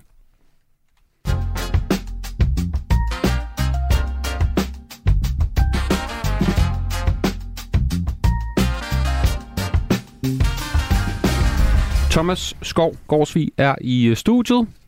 Radio, TV, Maine. Og øh, George Bush, han er jo tidligere præsident i USA. Mm. Han er faktisk blevet en ældre herre nu. Det bliver man jo med årene. Det, det, det, det sker jo. Ja. Altså, han, er, han er faktisk 75 år øh, gammel nu, og der er et øh, klip, der er dukket op her i ugens løb, som, øh, som jeg faldt over, og jeg synes er, er helt genialt. Øh, han holder i onsdags en tale på sit eget bibliotek. Det er sådan, når man er præsident i USA, så får man sit eget bibliotek. Okay. Typisk i den stat, man kommer fra. Så vi er i Texas. Øh, det er det, jeg kalder århundredets Freudian slip. the decision of one man to launch a wholly unjustified and brutal invasion of Iraq. I mean, of Ukraine. Iraq, too. Anyway. Uh, 75. Uh, Folk griner lidt. Ha, Ja, ha, ha. Ja. Altså, han, han, han snakker selvfølgelig om Putin og den øh, uretfærdige krig, han pt. har gang i i Ukraine, og får så lige sagt Irak. Ja, 75, ikke? Mm. Øhm, ja, den, den, er, den er uheldig. Altså, det, det er lidt ligesom at nævne en ekskæreste, selvom man har været kæreste med en i, i 14 år, ikke? Ja, det er lidt ligesom at stå op på ældre, i stedet for at sige Emilie. Så sige, jeg ved ikke. Ja. Ja, nu er det så meget præsten, der snakker der. Men, Nå, men, det er men, rigtigt, ja. men altså, ja, i princippet, i princippet, ja. Ja. Hvis jeg kommer hjem nu og siger, "Åh, hvad så, Louise, hvad så skal vi... Altså, det vil være... Det vil måske være grænseoverskridende. Men det vil have nok ikke koste menneskeliv i samme øh, stil, som, som de to krige der, men, men øh, tanken om, at man ligesom kommer til at sige noget, som ligger så langt tilbage, skrækkeligt. Har du, har du nogensinde prøvet det? Altså virkelig sige sådan en, en, altså det er en, en klassisk fortalelse, en Freudian slip, hvor du får sagt noget, som måske du engang har oplevet eller noget, bare i et forkert scenarie. Mm, jeg føler, at jeg, Eller- hvis jeg har gjort det, har jeg nok altid kunne lægge afstand til det ved at sige, at det var for sjov. Mm. Det er, jo, det er jo det unikke ved nogle at have, have lavet en masse sjov og bare sige, "Nå, nå det, ej, det var bare for sjov. Det er satire. Øh, det kan han ikke i samme grad. Han prøver at redde Ja, han prøver at redde den, jeg synes faktisk, han har reddet det meget godt. Ja. Øh, Men, øh, men nej, jeg, jeg, jeg, jeg husker ikke, at jeg har prøvet det, men jeg vil også sige, at jeg husker faktisk ikke så godt. Nej, nej. Altså, jeg, lidt ligesom det her med Peach Melba, øh, som kommer meget bag på mig. Ja. Jeg, jeg glemmer tit ting, når det, har, når det ligger mere end et år tilbage. Hvorfor tror du, hvorfor, hvordan kan det være? Fortrængning. Ja. Nå, jamen, det er selvfølgelig også en strategi, vel? Ja, fortrængning, fortrængning. Og så, så får man det også sjovere, hvis man prøver øh, ting for første gang. Altså hvis man ligesom er, er, har guldfest tilgang til livet, hvor man er sådan, jeg har sgu aldrig været Radio 4 før. Det er skide sjovt. Ja. Selvom jeg har. Forstår du, hvad jeg mener? Jeg går med, det er nok kultsjekkeren, der begynder at snakke. Det er det, det er det. Øh, i, i, jeg lavede faktisk en i morges, jeg kom til at sende en sms til min mor, som skulle have været til min kæreste. Oh. Og det var faktisk en besked, som var sådan lidt... Om, om din mor, eller Nej, det var det ikke. Oh, okay. Men det var mere sådan, åh, oh, hey, jeg Ja. håber, du er okay, og bla bla bla bla. Nå, ja, okay, Det er ikke fordi, jeg havde... Nej, nej, jeg forstår, jeg forstår, jeg forstår. Har du lavet sådan en? Øhm, Fordi det er jo lidt den samme, en, en form for fortælelse. jeg, er, jeg, er meget, jeg er altid meget, meget ops på, hvis jeg skal skrive noget, som er sådan lige lidt, at jeg ikke kommer til at sende det til den der om. Ja. øh, altså det tænker jeg meget over. Ja. Ligesom hvis vi har snakket derhjemme, som, som ikke nødvendigvis tåler alles ører, så har jeg en eller anden sådan mani med, at jeg, jeg frygter, at min telefon har ringet op til vedkommende, vi taler om. Kender du det? Ja, ja. Så jeg er meget sådan, jeg står hele tiden sådan og holder øje med, at den ikke har ringet op, og det er aldrig sket, at den har gjort det. Nej, nej. Men det er hele tiden i baghovedet, det der med, at det her bliver bare lige mellem os. Ja. Måske på grund af, at du skal dække over noget, eller fordi du har et eller andet, en følelse af, at der er noget, der ikke skal tåle Måske, alles ører? Eller? Måske, måske. Jeg ved det ikke helt. Nej. Jeg ved ikke, hvor det kommer fra. Jeg ved ikke, hvor det kommer fra, man kan sige, det er meget, meget få ting, der er hemmeligheder. Altså nu, jeg laver en podcast med Emil Thorup, mm. faktisk. Den hedder Livet ifølge Emil og Thomas. Og der, altså, vi snakker, og vi snakker om så mange grænseoverskridende ting. Så det er også som om, at, at det meste kommer i virkeligheden bare ud. Så jeg ved ikke, hvorfor det er, jeg, jeg føler, at nogle ting er stadig hemmeligheder. Ja. Jeg, er meget, meget, jeg har meget få hemmeligheder, vil jeg sige. Men du har, der er nogle hemmeligheder. Et eller andet sted inde i den der øh, altså, der er iskolde krop. nok nogle ting, som ligesom bare er mine og Emilies og mine venners. Men når du så for eksempel er i studiet og snakker med Emil om nogle ek- ekstremt grænseoverskridende ting, tænker Ja. du så nogle gange over, hvem er det lige, der hører det her? Altså, Ja, det, tænker, det tænker jeg jo. Jeg vil sige, de første gang, vi talte sådan om øh, altså, onani, Ja. så skulle jeg lige vende mig til, at øh, min mor også hørte. Altså, da der kom en sms, hvor hun kommenterede på noget andet i programmet, så vidste jeg, at hun havde hørt øh, bidder om, om min nye flashlight og sådan. Altså, så der er nogle ting, hvor det er sådan lidt grænseoverskridende. Men så igen, hvis man hele tiden render og tænker over, hvad man siger, så, så får man ikke altid sagt noget. Det er det. Og så tror jeg også, uh, Eivind Vesselbo fra Venstre havde det, da han uh, lige sagde en rigtig fin ting til Helle thorning Schmidt. Gammel klip. Jeg kunne ikke rigtig finde noget fra Folketingssalen, der kunne hamle op med George Bush, men jeg synes alligevel, den er, den er meget god, den her. Nej, det er ikke sådan, jeg, jeg anklager fru Helle thorning Schmidt for at være for stram. Jeg siger, det, det er altså i politikken øhm, mere sådan, at Der, er, også- der sidder også en starut og griner Ja, ja. flæbet. Altså, fordi Eivind kunne godt bare køre den hjem. Ja, ja, der er vel ikke... Men der, der sidder en ligesom og griner og prøver at lokke Eivind ud i, at man taler om noget andet, end det han gør. Men altså, Og Helle Thorning griner også i øvrigt. Åh, Så okay. alle, alle er med. Der er griner. samtykke. Ja.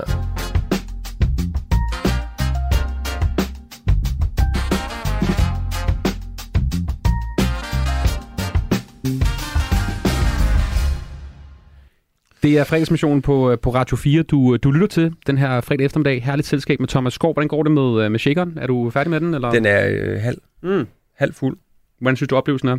Den, det, ved du, det smager godt. Det, det smager jo sodavand. Altså, det er jo... Øh, ja, min, min datter, som jo er syv lige om lidt, om, om hvad skal vi sige, syv år, ah, otte, ah, lad os sige ti, så skal hun jo begynde at drikke. Altså, der frygter hun får smag for sådan noget her, fordi man kan jo ikke smage det alkohol. Nej, nej. Og lige pludselig så, bum, så er man der. Så øhm, ja, det er ikke så godt. Nej. Hvad skal, du, øh, hvad skal du i weekenden? Mm. Hvad er planerne? Hvad... Jeg skal til Paris. Det er derfor, jeg hentede en rejsetaske. Nej, det mener du ikke, vel? Jo, jeg skal til Disneyland i Paris. Hvad med jer? Hvor, Så. Hvor, altså, hvornår? På søndag. Okay. Og i morgen skal jeg til en børnebogsfestival i Skanderborg. Ej, så altså, man kan sige, Living the dream. livet. Har du Dejligt. været i Disneyland Paris før? Ja, det har jeg. Hvor Emilie, øh, min hustru Mm. mm. og jeg, var på vores første ferie sammen i, øh, til Disneyland i Paris. Da vi var i, øh, i 20'erne. Og det var måske... Altså, bare I- bare jer to? Bare os to, ja. Så der var nok nogle alarmklokker, der skulle være gået der. Fordi det er lidt underligt at tage på sådan en øh, romantisk tur til Disneyland i Paris. Men på den anden side, vi er jo stadig sammen, og det... Var det så boet så op i det der slot? Altså, er der et hotelværelse deroppe? Ja, nej, det gjorde vi dog ikke. Det Nå, gjorde vi dog okay. ikke. Øhm, men vi havde en fest og prøvede en masse ting. Jeg kan godt, ja, når jeg siger det højt nu, kan jeg godt høre, at det lyder mere underligt, end jeg egentlig følte, det var. Men det, var, det er lidt underligt. Okay. Så det var jer to og så en masse børn? Ja. Før I havde børn? Ja. Nå, okay. Så har I jo også ved I jo, hvad det gode er. Nu har vi jo I- prøvet det, og nu har vi ligesom lige været nede og sondere terrænet for 15 år siden. Mm. Nu skal vi prøve det igen. Okay. Jeg glæder mig. Jeg glæder mig helt vildt. Ja. Hvordan er du som, øh, altså er du sådan faren, der ligesom lader børnene prøve først, eller skal du også med op i at helst sidde- have det gode sæde i forlystelserne? Jeg, jeg er stadig ham, der skal med. Og, men jeg vil faktisk sige, da vi var i Tivoli for nogle uger siden, så ville Ellen gerne prøve en af dem, der, der snor rundt. Ja. Og der kunne jeg mærke første gang, jeg har prøvet det, at jeg blev så rundt, så jeg var lige ved at kaste op. Og det synes jeg alligevel var grænseoverskridende, og jeg kender, nu er jeg blevet så gammel, at jeg er sådan en, der er lige ved at kaste op af at være i forlystelser. Så jeg er lidt spændt på, hvordan det kommer til at gå ned i Disneyland. Jeg prøver sådan uh, desperat at holde den inde på festbordet. Ja, så det sidste ja, spørgsmål ja, omkring Disneyland. Jeg, jeg har altid, jeg, jeg er benåret, og jeg tager altid hatten af for de mennesker, der render rundt med en fadøl, når det er i zoologisk have, Tivoli, Bakken, øh, Tivoli Friheden. Der, der er jo forældrene, der render, der kan, godt kan det. Mm. Drikke øl, og, og samtidig være sammen med deres børn, uden at det selvfølgelig ender i noget. Er du typen, der kan det? Nej, altså jeg, jeg, jeg vil faktisk gerne holde det adskilt, børn og alkohol. Der har været nogle gadefester hjemme i Humleby, hvor vi bor, hvor der har været lidt for meget alkohol. Jeg kan gå med, så bliver jeg lidt mere sådan... Lidt træt? Øh, træt, og du ved, og ja, de behøver ikke gå i seng, unger, og altså... Jeg, og der kan jeg bare mærke, at dagen efter har jeg nok ikke været den bedste far, eller i hvert fald ikke den mest opmærksomme far. Så jeg prøver sådan set at holde øh, alkohol og børn adskilt, og det går godt. Okay, så ikke nogen fadøl i Disneyland? Øhm. Nej, jeg, jeg, jeg går all in på det der Disney, øh, så det bliver øh, cola og, øh, og hotdogs. God kombi. Øh, Thomas Skov, det var hyggeligt at drikke en shaker med dig. Og øh, fremragende weekend, og øh, alt muligt, du skal. Det lyder som en, altså sådan en kæmpe weekend, du går i møde. Helt vildt. Jeg Altså. glæder mig da så meget. Men det har også været dejligt at starte den her. Det er jeg glad for. Vi tager et øh, nummer før øh, nyhederne her klokken 16 med Andreas Odberg faktisk. Det her, det er Stormand.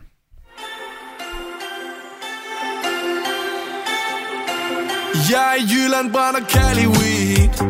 Mine tanker kører om en evergreen. Uh, Vi timer op om godt halvanden time På grønne gader med dollargrin. Uh, Du siger du ruller af. Hvis jeg rester Imens morgenerne bliver til nætter. Alle er blå Blå silhuetter. Jeg vil bare gå Endnu længere med dig. Driver langsomt månen bliver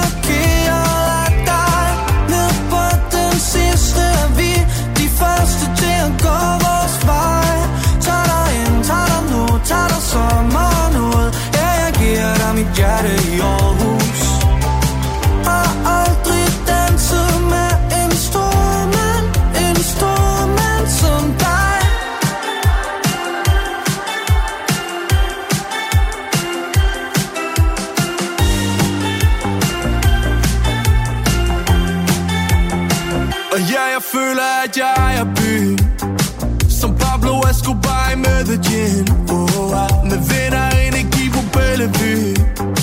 Hvor smukke mennesker giver mig déjà vu. Oh, ah, Du siger, du ruller af. Hvis jeg rester Imens morgenerne bliver til nætter.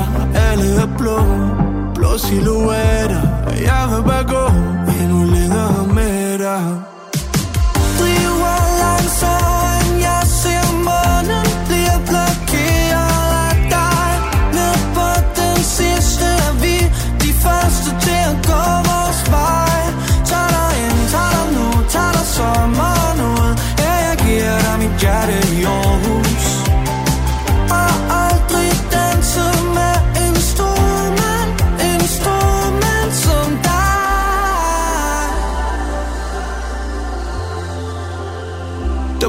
Tår i byen af kun i smil.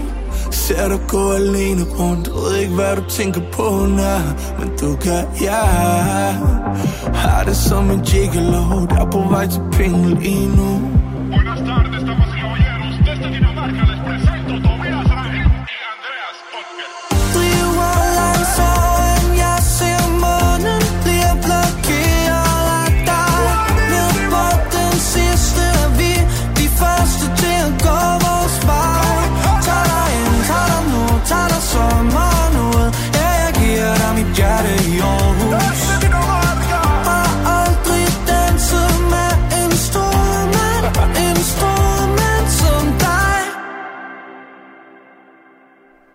Det var Andreas Odberg med Stormand her i fredagsmissionen på Radio 4. Vi øh, sender frem til klokken bliver 17 her på kanalen. Meget mere fredagsmissionen om et kort øjeblik. Vi skal quizze den store god markerquiz, hvor du kan vinde 1000 kroner.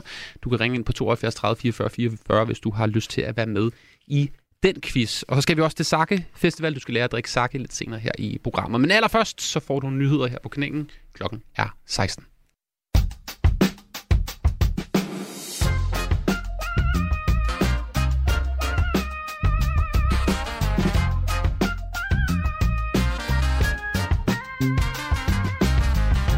Det er fredagsmissionen på Radio 4, der er i din radio den her fredag eftermiddag. Velkommen indenfor. Mit navn er Anders Hagen.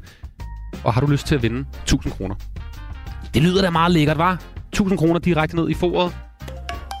Så skal du øh, ringe lige nu på nummer 72 30 44 44. Det er en quiz, vi kalder for God Marker-quizzen. Det er fordi, at hvis du vinder de her penge, så skal du donere det til et godt formål. Det kan jo være hvad som helst. Det kan være en øh, god marker, der har brug for lidt ekstra skejser til weekenden. Det kan også være en mor, en far, en lillebror, en storebror, en kollega, eller måske bare en øh, organisation, der trænger til lidt penge. Du øh, kan vinde pengene, hvis du svarer rigtigt på 11 spørgsmål fra ugens gang. Det er altså spørgsmål, der drejer sig om, hvad der er sket her i ugens øh, løb.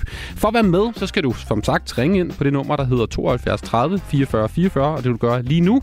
Og så skal du svare på det spørgsmål. Det er et indgangsspørgsmål, der hedder, hvilken by i Danmark dannede ramme for et pressemøde med Tysklands forbundskansler, EU's formand Ursula von der Leyen og Mette Frederiksen, og Holland og Belgiens øh, statsledere her i ugens løb. En by, hvis fodboldhold i øvrigt også samme dag rykkede ned i anden division. Det er en vestjysk by, som altså dannet ramme. Og øh, hvis du ved, hvilken by det, det drejer sig om, så skal du ringe ind lige nu på 72 30 44 44. Hvis du svarer rigtigt på det spørgsmål, så kan du være med i vores god markerquiz. 1000 kroner kan blive dine, som du donerer til et godt formål, hvis du altså kan svare rigtigt på det spørgsmål og nogle andre i quizzen. Det er lige nu. 72 30 44 44, hvis du har lyst til at være med i quizzen. Og med det, kæmpe stort velkommen indenfor her til fredagsmissionen på Radio 4.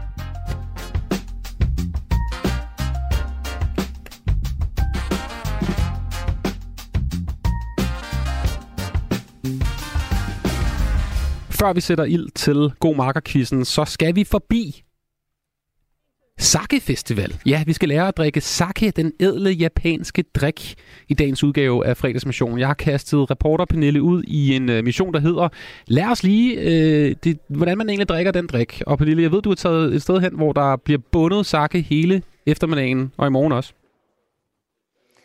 Ja, bundet sake, det ved jeg ikke, om man gør. Man kan i hvert fald smage på det, og det har jeg jo også fået lov til. Så endnu en god fredag at være på job, øh, hvor jeg får lov at øh, drikke mig fuld i arbejdstiden. Kan man nok øh, roligt kalde det.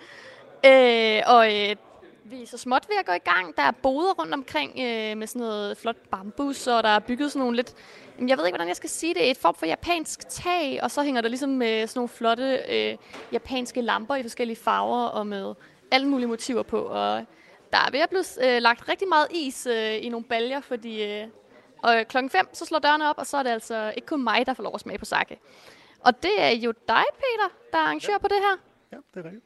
Og øh, Fogh er dit efternavn, og du øh, ejer altså, øh, hvad kan man sige, øh, en masse omkring sake. Altså, du ved alt muligt om det, og du er ude i en karateklub i Valby, og så har du bare tænkt, nu skal jeg bare have lov at drikke sake med en masse andre, eller hvad er undskyldning for det her arrangement? Ja, lige præcis. Og det er så mange år siden, men jeg har trænet karate i mange år, men øh, det her har jeg som en ekstra hobby.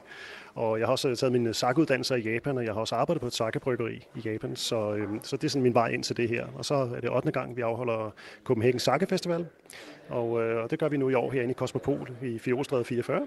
Og der er også lidt mad i år med ramen Tobido er her, og vi har Østers, og ja, lidt, øh, lidt og skal hygge. Så det. Alt godt for det japanske hav, kan man vist godt øh, kalde det, men øh, jeg må jo bare være indrømt, jeg har været i Japan én gang, ikke også? Øh, modsat dig, du har været der 12.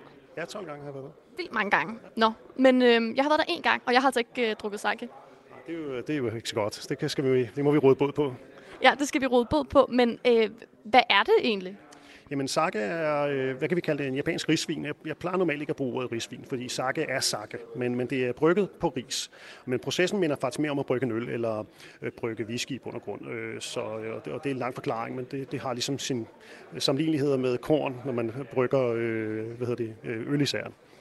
Øh, hvad hedder det? Men, men sake har et kæmpe smagsunivers, som mange ikke er klar over. Og, øh, og, men det er sådan en acquired taste. Det er noget men man skal lige prøve det først. Og øh, nogle de øh, går, til, de går lige til det og, og hygger sig med det, og nogle skal lige sådan, øh, knække koden.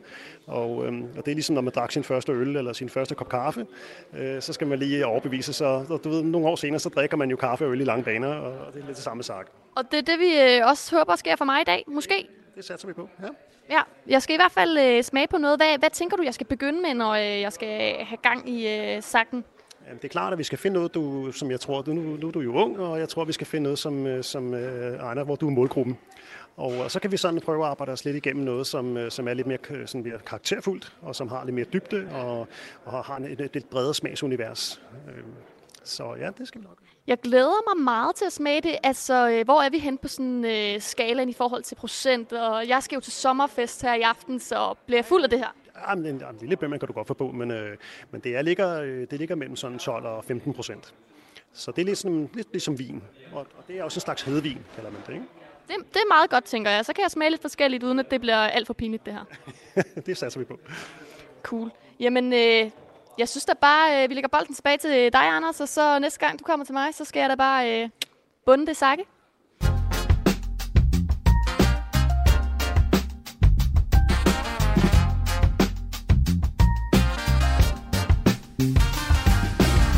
Ja, endnu en god øh, fredag for reporter Pernille, der altså fortæller os om sake, den japanske edle vin. Det er spændende, når øh, når øh, Pernille lige dykker hovedet ned i, øh, i alkoholen lidt senere her i programmet. Men lige nu, så skal vi høre et øh, lydklip, et lille bånd, kan man kalde det, fra øh, vores øh, praktikant på Radio 4, Linnea, som denne uge har lagt øh, ja, øh, indspark, som handler om alkoholfri politik. Lad os høre, hvad hun har til os.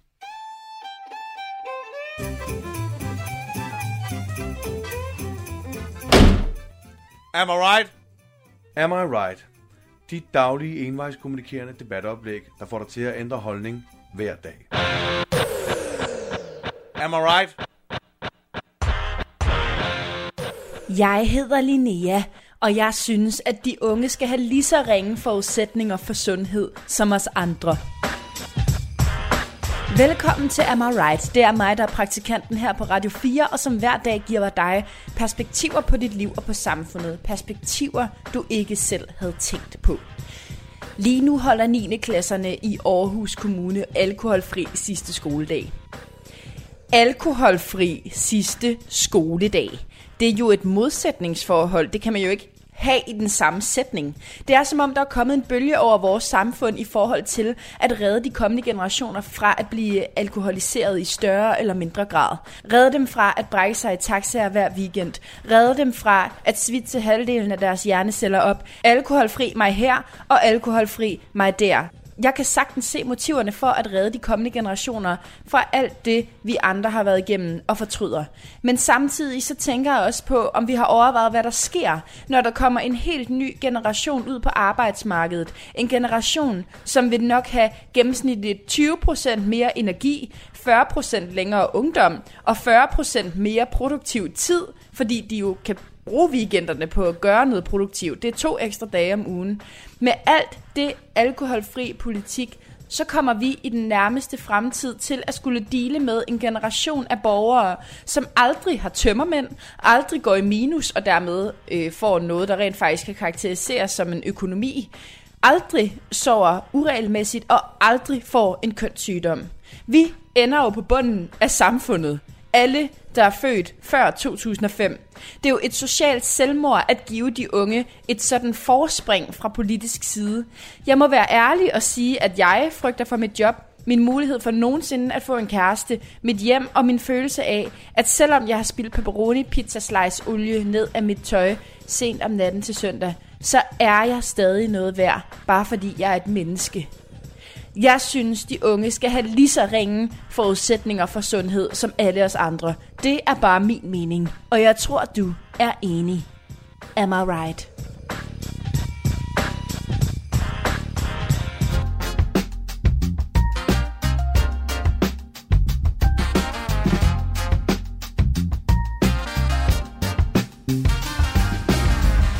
Det er fredagsmissionen på Radio 4, du lytter til live-programmet den her fredag eftermiddag.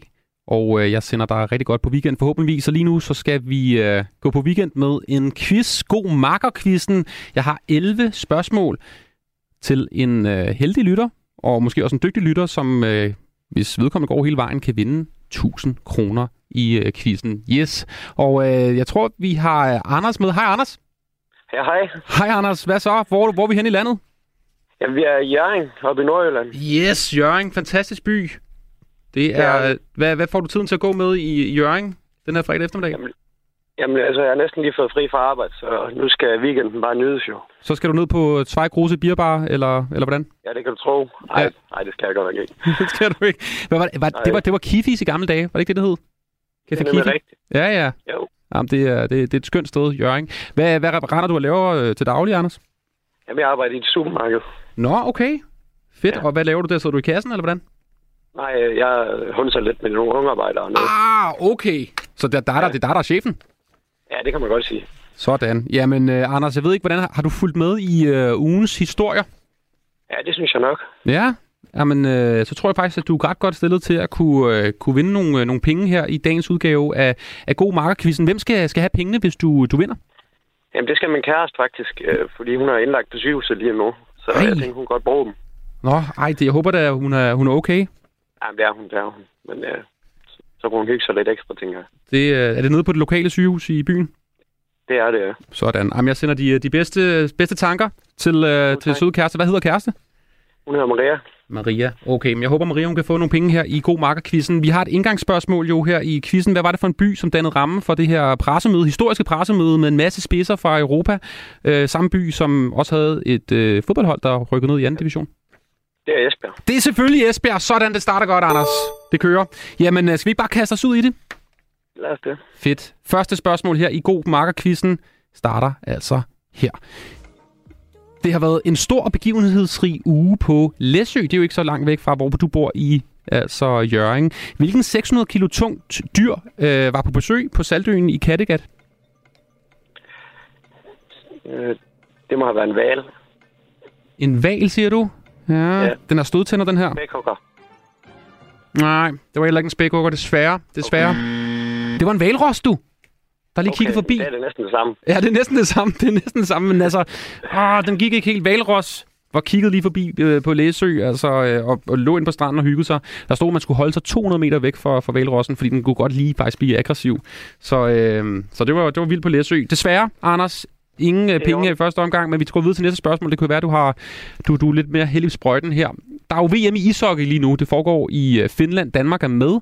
Hvilken legendarisk dansk ishockeyspiller med stor karriere i NHL, han var faktisk den første, der rigtig fik et gennembrud derovre, stopper karrieren lige så snart Danmark ryger ud af VM?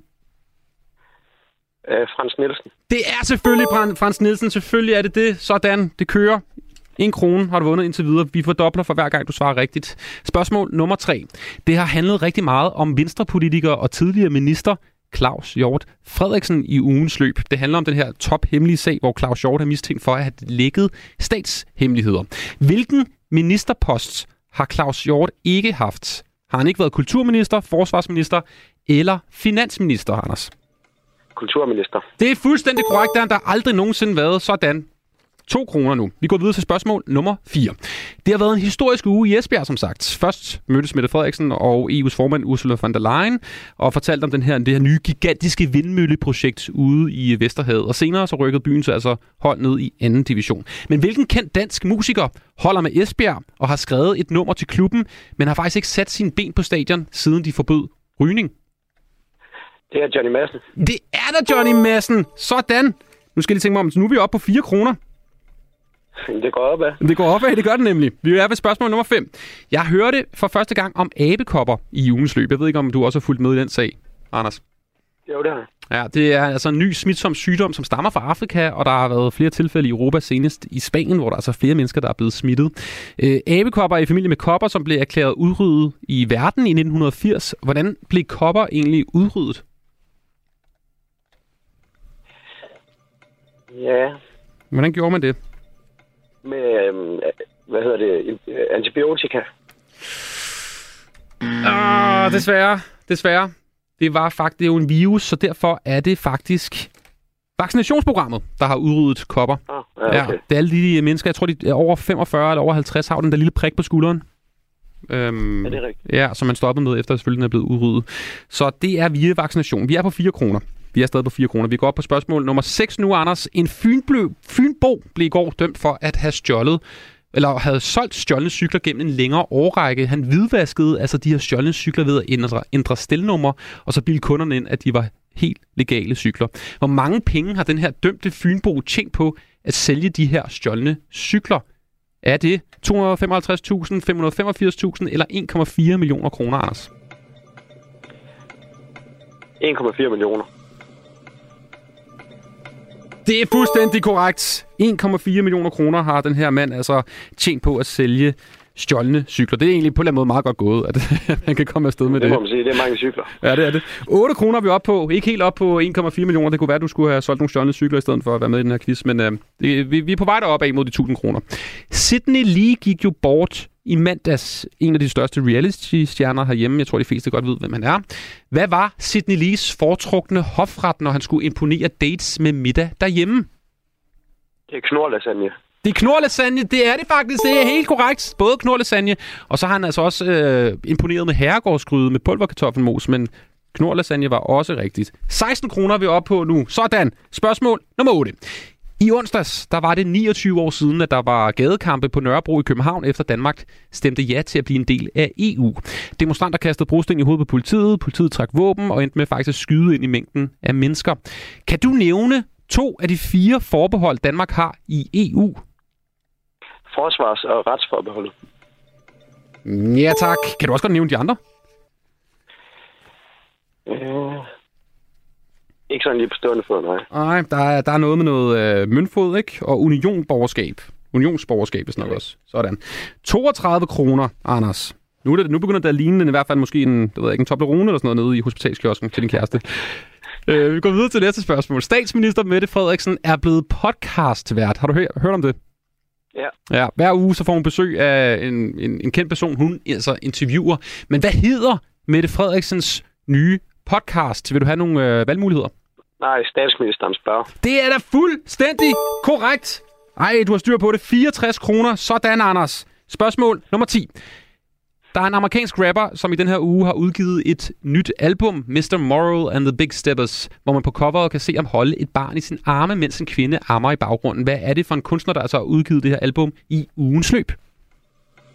Øh, Kendrick Lamar. Ej, hvor det kører! Det er da fuldstændig korrekt! Ej, hvor er du god! 128 kroner. Du, er, du, altså, du har slået rekorden nu for, for flest penge i God Markerquizzen. Anders, hvor er det fedt det her. Vi er, det, vi er nået til det sidste spørgsmål, men nu kan du altså komme op på 256 kroner. Er du klar? Fedt. Ja. Oha, okay. Spørgsmål nummer 11. I dag har Rusland valgt at dreje på hanen og lukke for gassen til Finland. Det kan være, du har hørt det her i radioen, når der har været nyheder. Yes. Det, det sker efter, at Finland formelt har meldt ud, at de gerne vil være med i NATO. Men hvad er prisen på en kubikmeter gas lige nu? Altså, jeg tjekkede i morges. Er det 8,2 kroner, 12,6 kroner eller 18,2 kroner, Anders?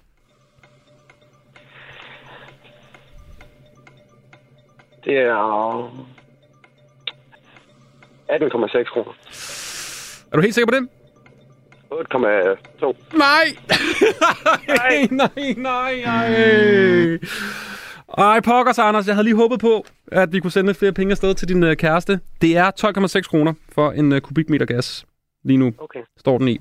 Men det skal da ikke tage far, at du vandt 128 kroner til din kæreste.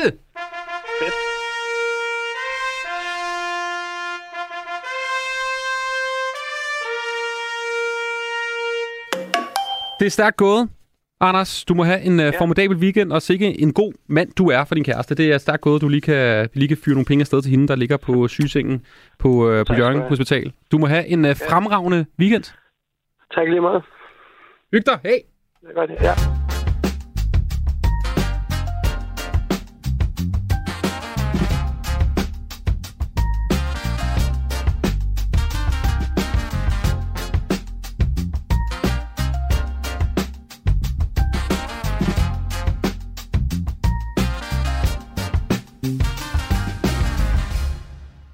Og det er nok ikke gået nogen næses forbi, at øh, Sidney Lee, han jo døde i mandags, også noget, som vi har markeret her i fredagsmissionen. Og gør vi jo selvfølgelig, fordi når en så mytisk dansk figur går bort, så skal vi da lige selvfølgelig tale lidt om det. Sidney Lee, han var mange ting. Øh, han var reality-mand, han var wrestling, der fik tæsk af tøfting-mand, han var karakter i Anders And-mand. Ja, han er blevet tegnet i, i en Anders And-historie. Han var dagens mand, og så har han også været øh, medvært på radioprogrammet Fysikprofessor Holger Bækmand. Det program, det hed øh, Genialos, og øh, det var et øh, form for nytårsprogram på det heddergangne 24-7, som sendte hvert op og år øh, omkring juletid. Og her kiggede Holger Bæk og Sidney Lee altså tilbage på årets gang med de store historier, hvor de ligesom snakkede om, øh, om deres ligesom take, kan man sige, på de her mange historier, der har været for årets gang. Øh, der var især øh, en snak, som jeg lige synes, vi lige skal genhøre her i fredagsmissionen, hvor de øh, talte om en meget øh, stor kriminalsag tilbage i 2017. Og lad os lige prøve at høre, hvordan det lød i Genialos. Jeg kunne godt tænke mig, at I prøvede at tale om Peter Madsen. Peter Bastian. Peter Madsen. Peter Madsen. Må jeg google ham? ja. Jeg ved ikke, hvad jeg skal sige. Ved du, hvem det er? Jamen, er det ikke ham med undervandsbåden, der slog en stakkels journalist ihjel? Ja. Ej, den har du for dig selv, den der. Den, den kender jeg ikke. Nej, men Ej. jeg tror heller ikke, jeg har meget forstand på ham, men det blev meget, meget stærkt omtalt, mm. tror jeg. Ja, men ja. har du slet ikke hørt? Nej, et, ikke et ord, men jeg følger overhovedet heller ikke med. Den bliver også kaldt for ubådssagen. Ja, altså, jeg vil godt indrømme, at hvis jeg ser, det sagde jeg også forrige år eller sidste år, hvis jeg ser news, så ser jeg Fox News.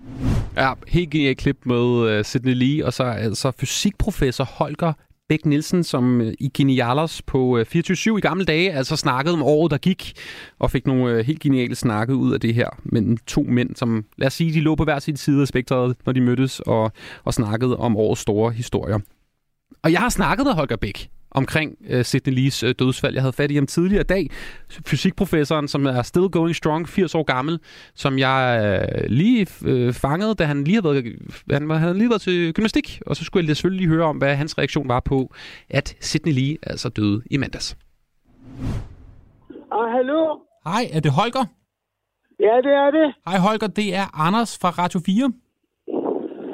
Ja, aha. Ja. Tusind tak, fordi jeg måtte øh, snakke med dig om, om Sidney Lee. Øh, hvad tænkte du, da du hørte, at øh, Sidney Lee han, øh, han var død? Ja, det var jo meget sørgeligt. Og, og det var jo også sørgeligt for vores øh, udsendelser, fordi nu, nu vil de jo ikke kunne komme, selvom, selvom Radio 4 7 skulle stå op ad graven, så kan vi næsten ikke. Men det, altså, det kunne, så kunne det ikke blive til noget alligevel. Hvad var din oplevelse med Sidney Lee, da I optog jeres radioprogram på 24-7? Nå, ja, det var jo en god oplevelse. Det var jo en, en diskussion og interview og sådan. Samtidig forsøgte jeg jo også at interviewe ham lidt om hans øh, interesser for film og sådan noget. Altså, vidste du, hvem Sidney Lee var, før I uh, lavede jeres radioprogram? Nej, faktisk ikke da jeg hørte ideen om det, så, så måtte jeg google lidt for at finde ud af det. jeg kendte ham overhovedet ikke. og hvad tænkte du så, da du så, hvordan han så ud?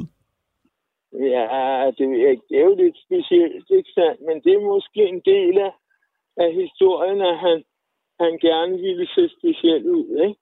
Og var der noget, og... var der noget af Sidney Lees liv, var der noget fra hans ligesom, måde at, at se tingene an på, som du lærte noget af? Ja, men det har jeg jo nok lært noget af.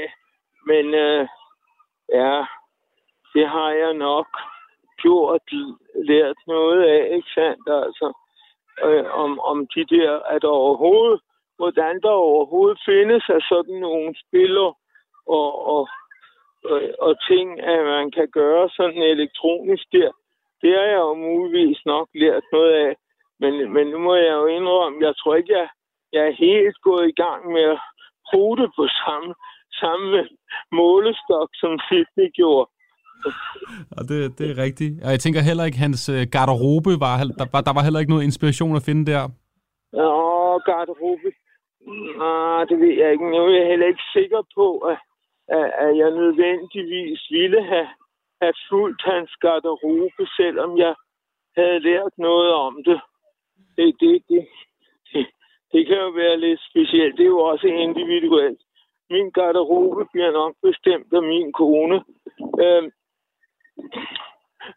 så, så, så det er jeg ikke sikker på ville være inspireret. Hvorfor øh, tror du, Holger, der var så mange, der rigtig gerne ville høre jeres program sammen? Altså, han var jo god til at få en, en, en, en god diskussion. Jeg tror ikke, der var nogen, der havde andre nærmest, der kunne have, have bragt de diskussioner frem, det blev til. Så det kan jo godt være, at han havde nogle særlige talenter for, hvad, hvad, hvad der kunne øh, bringe en god diskussion, så det blev interessant.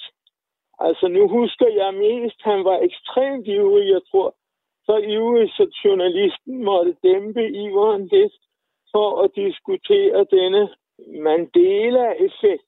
Det var noget, vi diskuterede meget. Og hvordan vil du øh, mindes ham, Holger? Ja, jeg vil jo mindes ham, som, som jeg har set ham, ikke sandt?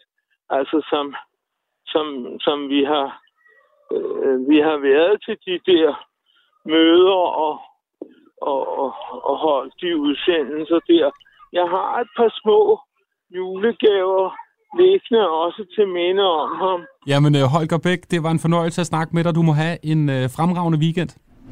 Her var det altså fysikprofessor Holger Bæk Nielsen, som mindes Sidney Lee, som han altså lavede radioprogrammer med i mange år. Genialers, et helt genialt radioprogram, som de to altså lavede sammen.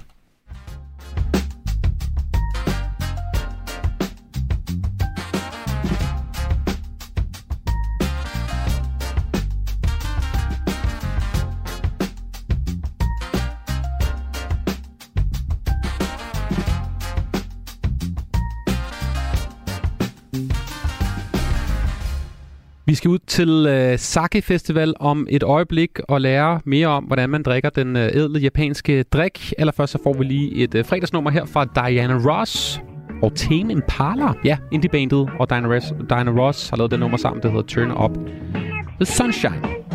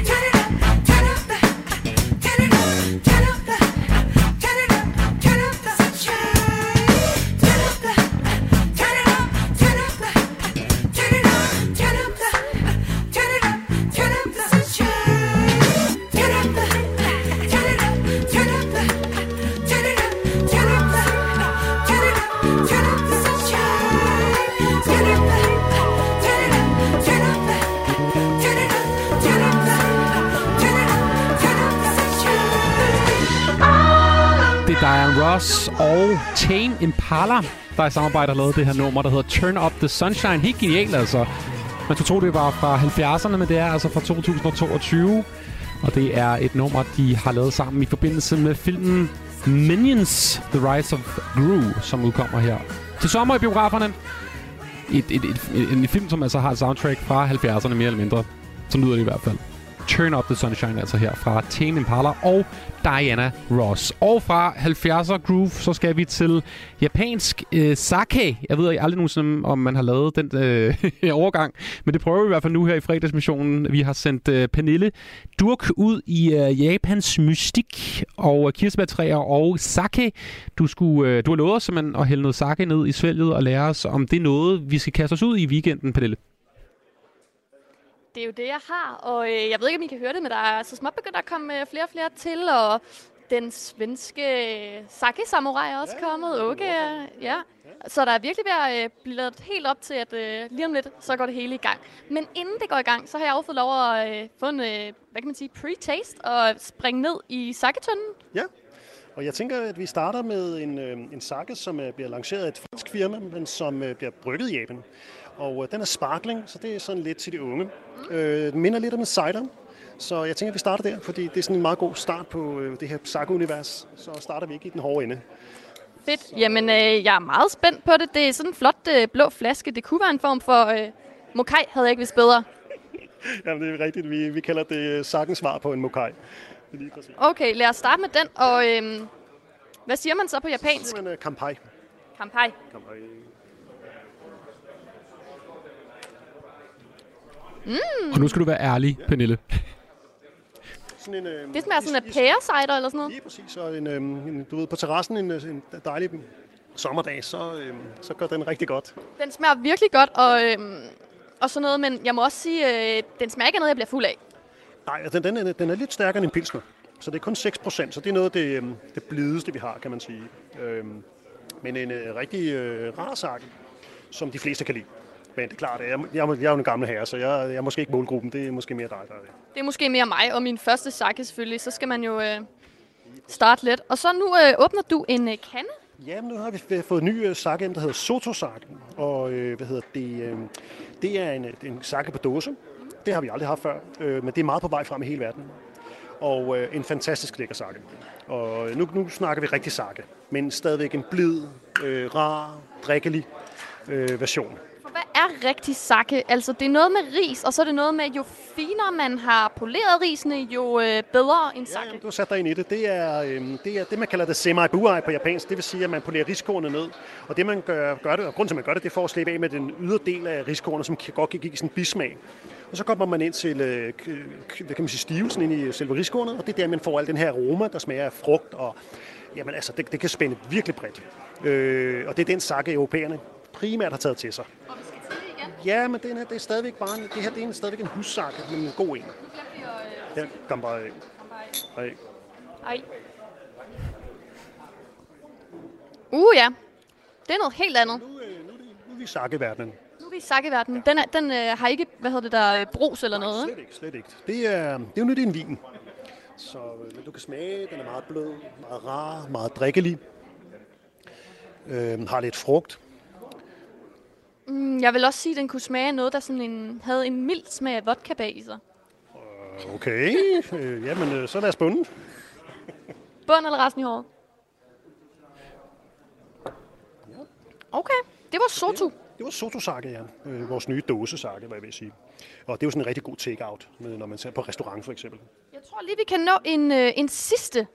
En ja. sidste sakke. Øhm, Så tager vi en, der er øh, ufortyndet. Øh, Jeg ved ikke, øh, sake er 20% cirka, når det bliver brygget. Men denne her, den er fortyndet ned. Eller normalt er sake fortyndet ned til de der 15-13%.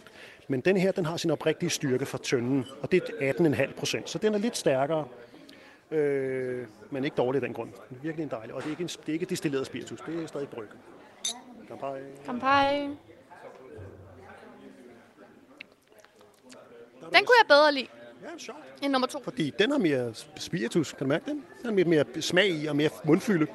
Ja, det, det ligner mere noget, der giver mig fredags øh, stemning til min sommerfest i aften. det er orden. Men også øh, igen lidt mere frugtsmag, synes jeg. Ja, altså, øh, hvad hedder det, det, det er, den er, for det første er den naturgæret, så er den upasteuriseret, så den er faktisk helt frisk. Øh, og så er den øh, genshu, kalder man det på japansk, det vil sige, den er øh, ufortyndet, så den har sin øh, oprigtige styrke. Man kan så komme her øh, ned og på Fjolstræde og prøve øh, noget lækkert sake, øh, både i dag og i morgen, og I bliver, fortsætter jo hele aftenen, og øh, man kan se en, ja, man kan købe skarpe japanske knive og døbe hovedet i saketønden, og jeg ved ikke hvad. Og Fermenteret mad kan man også få, og nudelsuppe og østers. hele pakken. Øh, jeg ved ikke, øh, jeg kommer nok ikke til at drikke sake resten af aftenen, men øh, tusind tak, fordi jeg måtte komme og smage. Og tak til altså, Pernille Skytte, reporter her på fredagsmissionen, som i dag havde som mission at lære at drikke sake. Og det var altså til Sake Festival, som foregår øh, i Fjolstræde i København i dag og i morgen den her weekend i maj.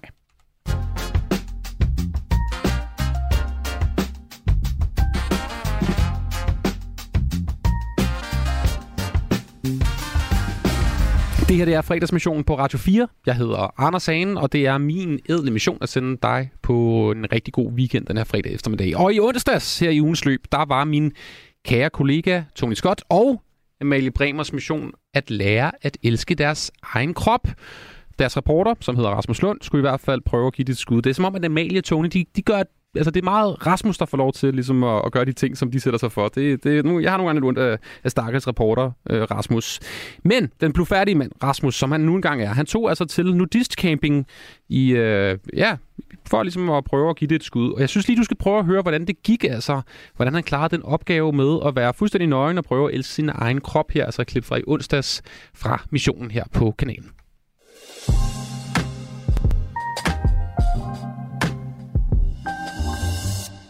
Stigegolf hedder Yes. sportsgrenen, hvor at man øh, kaster... Øh, ja, det er jo en snor, hvor der er en kugle øh, Mhm, mhm. i hver ende af snoren, og så gælder det så om at få disse kugler til at rotere om en, øh, en træpind, en liste. Ja, det er jo en stige. Som, øh, ja, en, ja, det er jo ikke en stige, man skal kravle, eller kan kravle ret højt op af. Men, øh, ja, Den det er det formet som en stige, Den er ja. formet som en stige. En lille bitte stige, have, lille bitte stige Mhm. øh, til gnomes i, øh, i haven. Ja. Og det er sportsgrenen, som øh, Rasmus øh, dyrker lige nu. Det er i sig selv jo ikke spektakulært, Rasmus. Nej, nej, det er det ikke. Det er det, er det ikke. Men øh, i dag skal det jo foregå øh, uden tøj på. Ja. Og det skal det jo, fordi at, øh, at øh, jeg er jo ved øh, Naturistforeningen her i, øh, i Odder i Jylland, øh, hvor øh, vi er taget ned til, øh, til Annis øh, plads, her hvor hun har, øh, har, har campingplads herinde. Øh, vi er lige oppe af forteltet her, øh, som sidder med hendes øh, LMC campingvogn, og så står vi nu her øh, i haven og har stillet stigolfen op. Øh, vi har lige haft et par prøveslag. Jeg har fået øh, de blå kugler, øh, og det har jeg, fordi at øh, der er sådan lidt køligt i dag.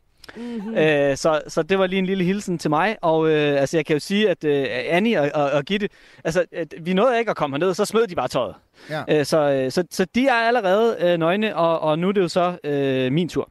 Jeg har jo mellemlederuniform på i dag, øh, blazer, jeans, øh, t-shirt, som jeg nu vil øh, øh, tage af. Og altså, det er jo sådan lidt underligt. Øh, Det du skal tænke på? Rasmus, Ja. det er jo, at øh, det, er jo, det er jo kun underligt for dig. Du lægger det over i alle de andre nu, at det er underligt, og mm. de vil kigge på dig, og de vil tænke, nej, og så ser han sådan, og så er der en lille nips der, og så er der det ene og det andet og det tredje. Men de ser jo, En, at en nøgne nips, mennesker en hele dagen. nips. Er, Om Amalie, en, nips, den eller en, en, jeg tænker en knop, eller en delle, eller en hvad end det nu kunne være. nå. Og så en, Okay, en kæmpe jamen, øh, nips øh, andre steder. Det, det skal jeg ikke gøre mig klog på. Der ryger, nu ryger bæltet i hvert fald. Ja. Og så af med bukserne. De står også utroligt tæt, fordi... Øh, skal jeg holde alle dine altså, jeg kan jo ikke, jeg kan jo ikke holde mikrofonen, vel? Altså, så, så Gitte, hun står med mikrofonen, så jeg står faktisk ret tæt på Gitte, som jo ikke har en trævel på kroppen. Jeg tager lige headsetet af, så, så ryger t-shirten nu. Ned med den. Så kommer t-shirten af. Nu ryger, nu ryger uh, Calvin Klein øh, under bukserne her. Sådan. Så er der, mine damer og herrer, jeg er den nøgent menneske. Bare røv øh, og stigolf skal vi nu til. Det lyder altså skide hyggeligt, Rasmus. Og, og, og der bliver øh, konstateret, jeg kan se, at du har ikke taget sol. Øh, fordi jeg har ikke, altså jeg er bare bleg over det hele. altså er det normalt sådan, at man sådan står og, og, og kigger på den måde, han har sagt? Det er det overhovedet ikke. Man kigger ikke. Altså, der er det der elevatorblik, og hvordan ser du nu ud, og sådan noget. Det, man ser lige folk, og så er det det. Så behøver du ikke at stå og overglo. Nu har vi talt lidt om mine piercinger. Må jeg så, må jeg så nævne noget ved, ved, ved dig, øh, Det kan du bare. Fordi du har, fordi du har kan jeg se, piercinger i brystvorterne. Er det så sådan en ting, når nu man går og er naturist, så, så er det en måde, man kan udtrykke sig på alligevel? Det har jeg ikke tænkt over. Det er ikke det, jeg synes, det er. Altså, det er bare en pynte. Ligesom et par øreringer og ja. har piercing i næsen også. Så, så det er... Ja. Rasmus? Det er et smykke, Ja. Som er Amalie, det er utroligt underligt, at du taler til mig, mens jeg er nøgen. Det er Ja, ja, faktisk øh, øh, jo, et, et smule forvirrende. Øhm, Men ja, Det er bare, nu Kom, siger du, at I havde talt om dine piercinger, og jeg har bare ikke set nogen piercinger på dig. Så det var bare lige... jeg, har ikke- jeg, har ikke, jeg har ikke piercinger. Nå, du har ikke Øh, jeg har ikke. Okay. jeg, har, jeg, jeg har tatoveringer. Nå, du sagde bare piercinger. Ja, det er fordi, du sagde, Sagde jeg piercinger? Der bliver, Ja. vi, der, Nej, bliver, vi- det- der bliver meget spændt her Der i studiet. eksploderede vi en lille smule Ja, herinde. der er jo slet what?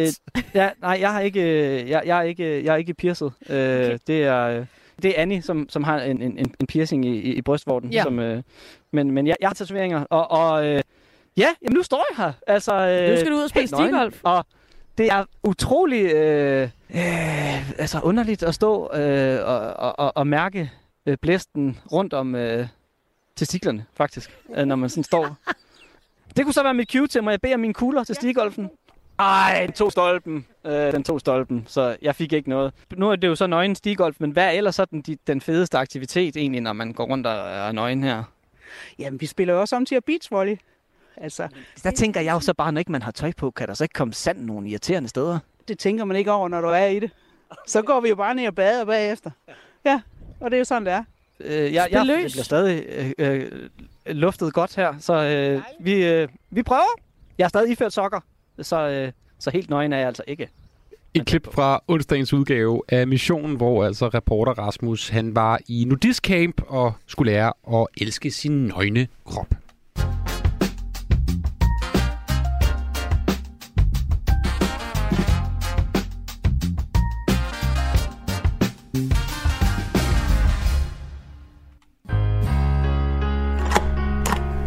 Knud Melgaard, Transeuropa-magasinet. Ah, det er dejligt at kunne lukke op for en af de øh, faste holdepunkter i ugens gang. Selvfølgelig Knud Melgaards brevkasse. Og uh, god eftermiddag, Knud Melgaard.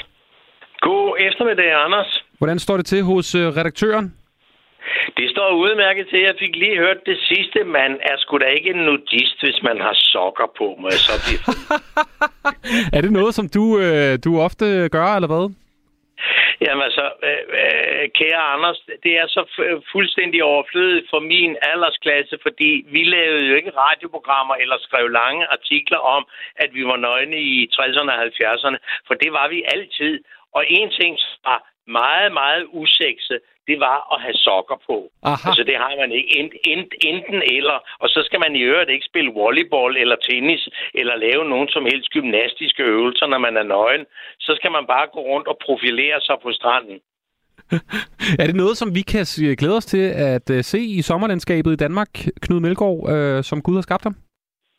Nej, det kan man ikke mere, fordi, hvad hedder det, selv med min høje øh, selverkendelse og profil om, og, og, og, og, og hvad man ellers kan sige om, mit, om mit egotrip, så må jeg også erkende, at der er røget et par kilo på øh, hister her, og det kan godt hænge lidt løst.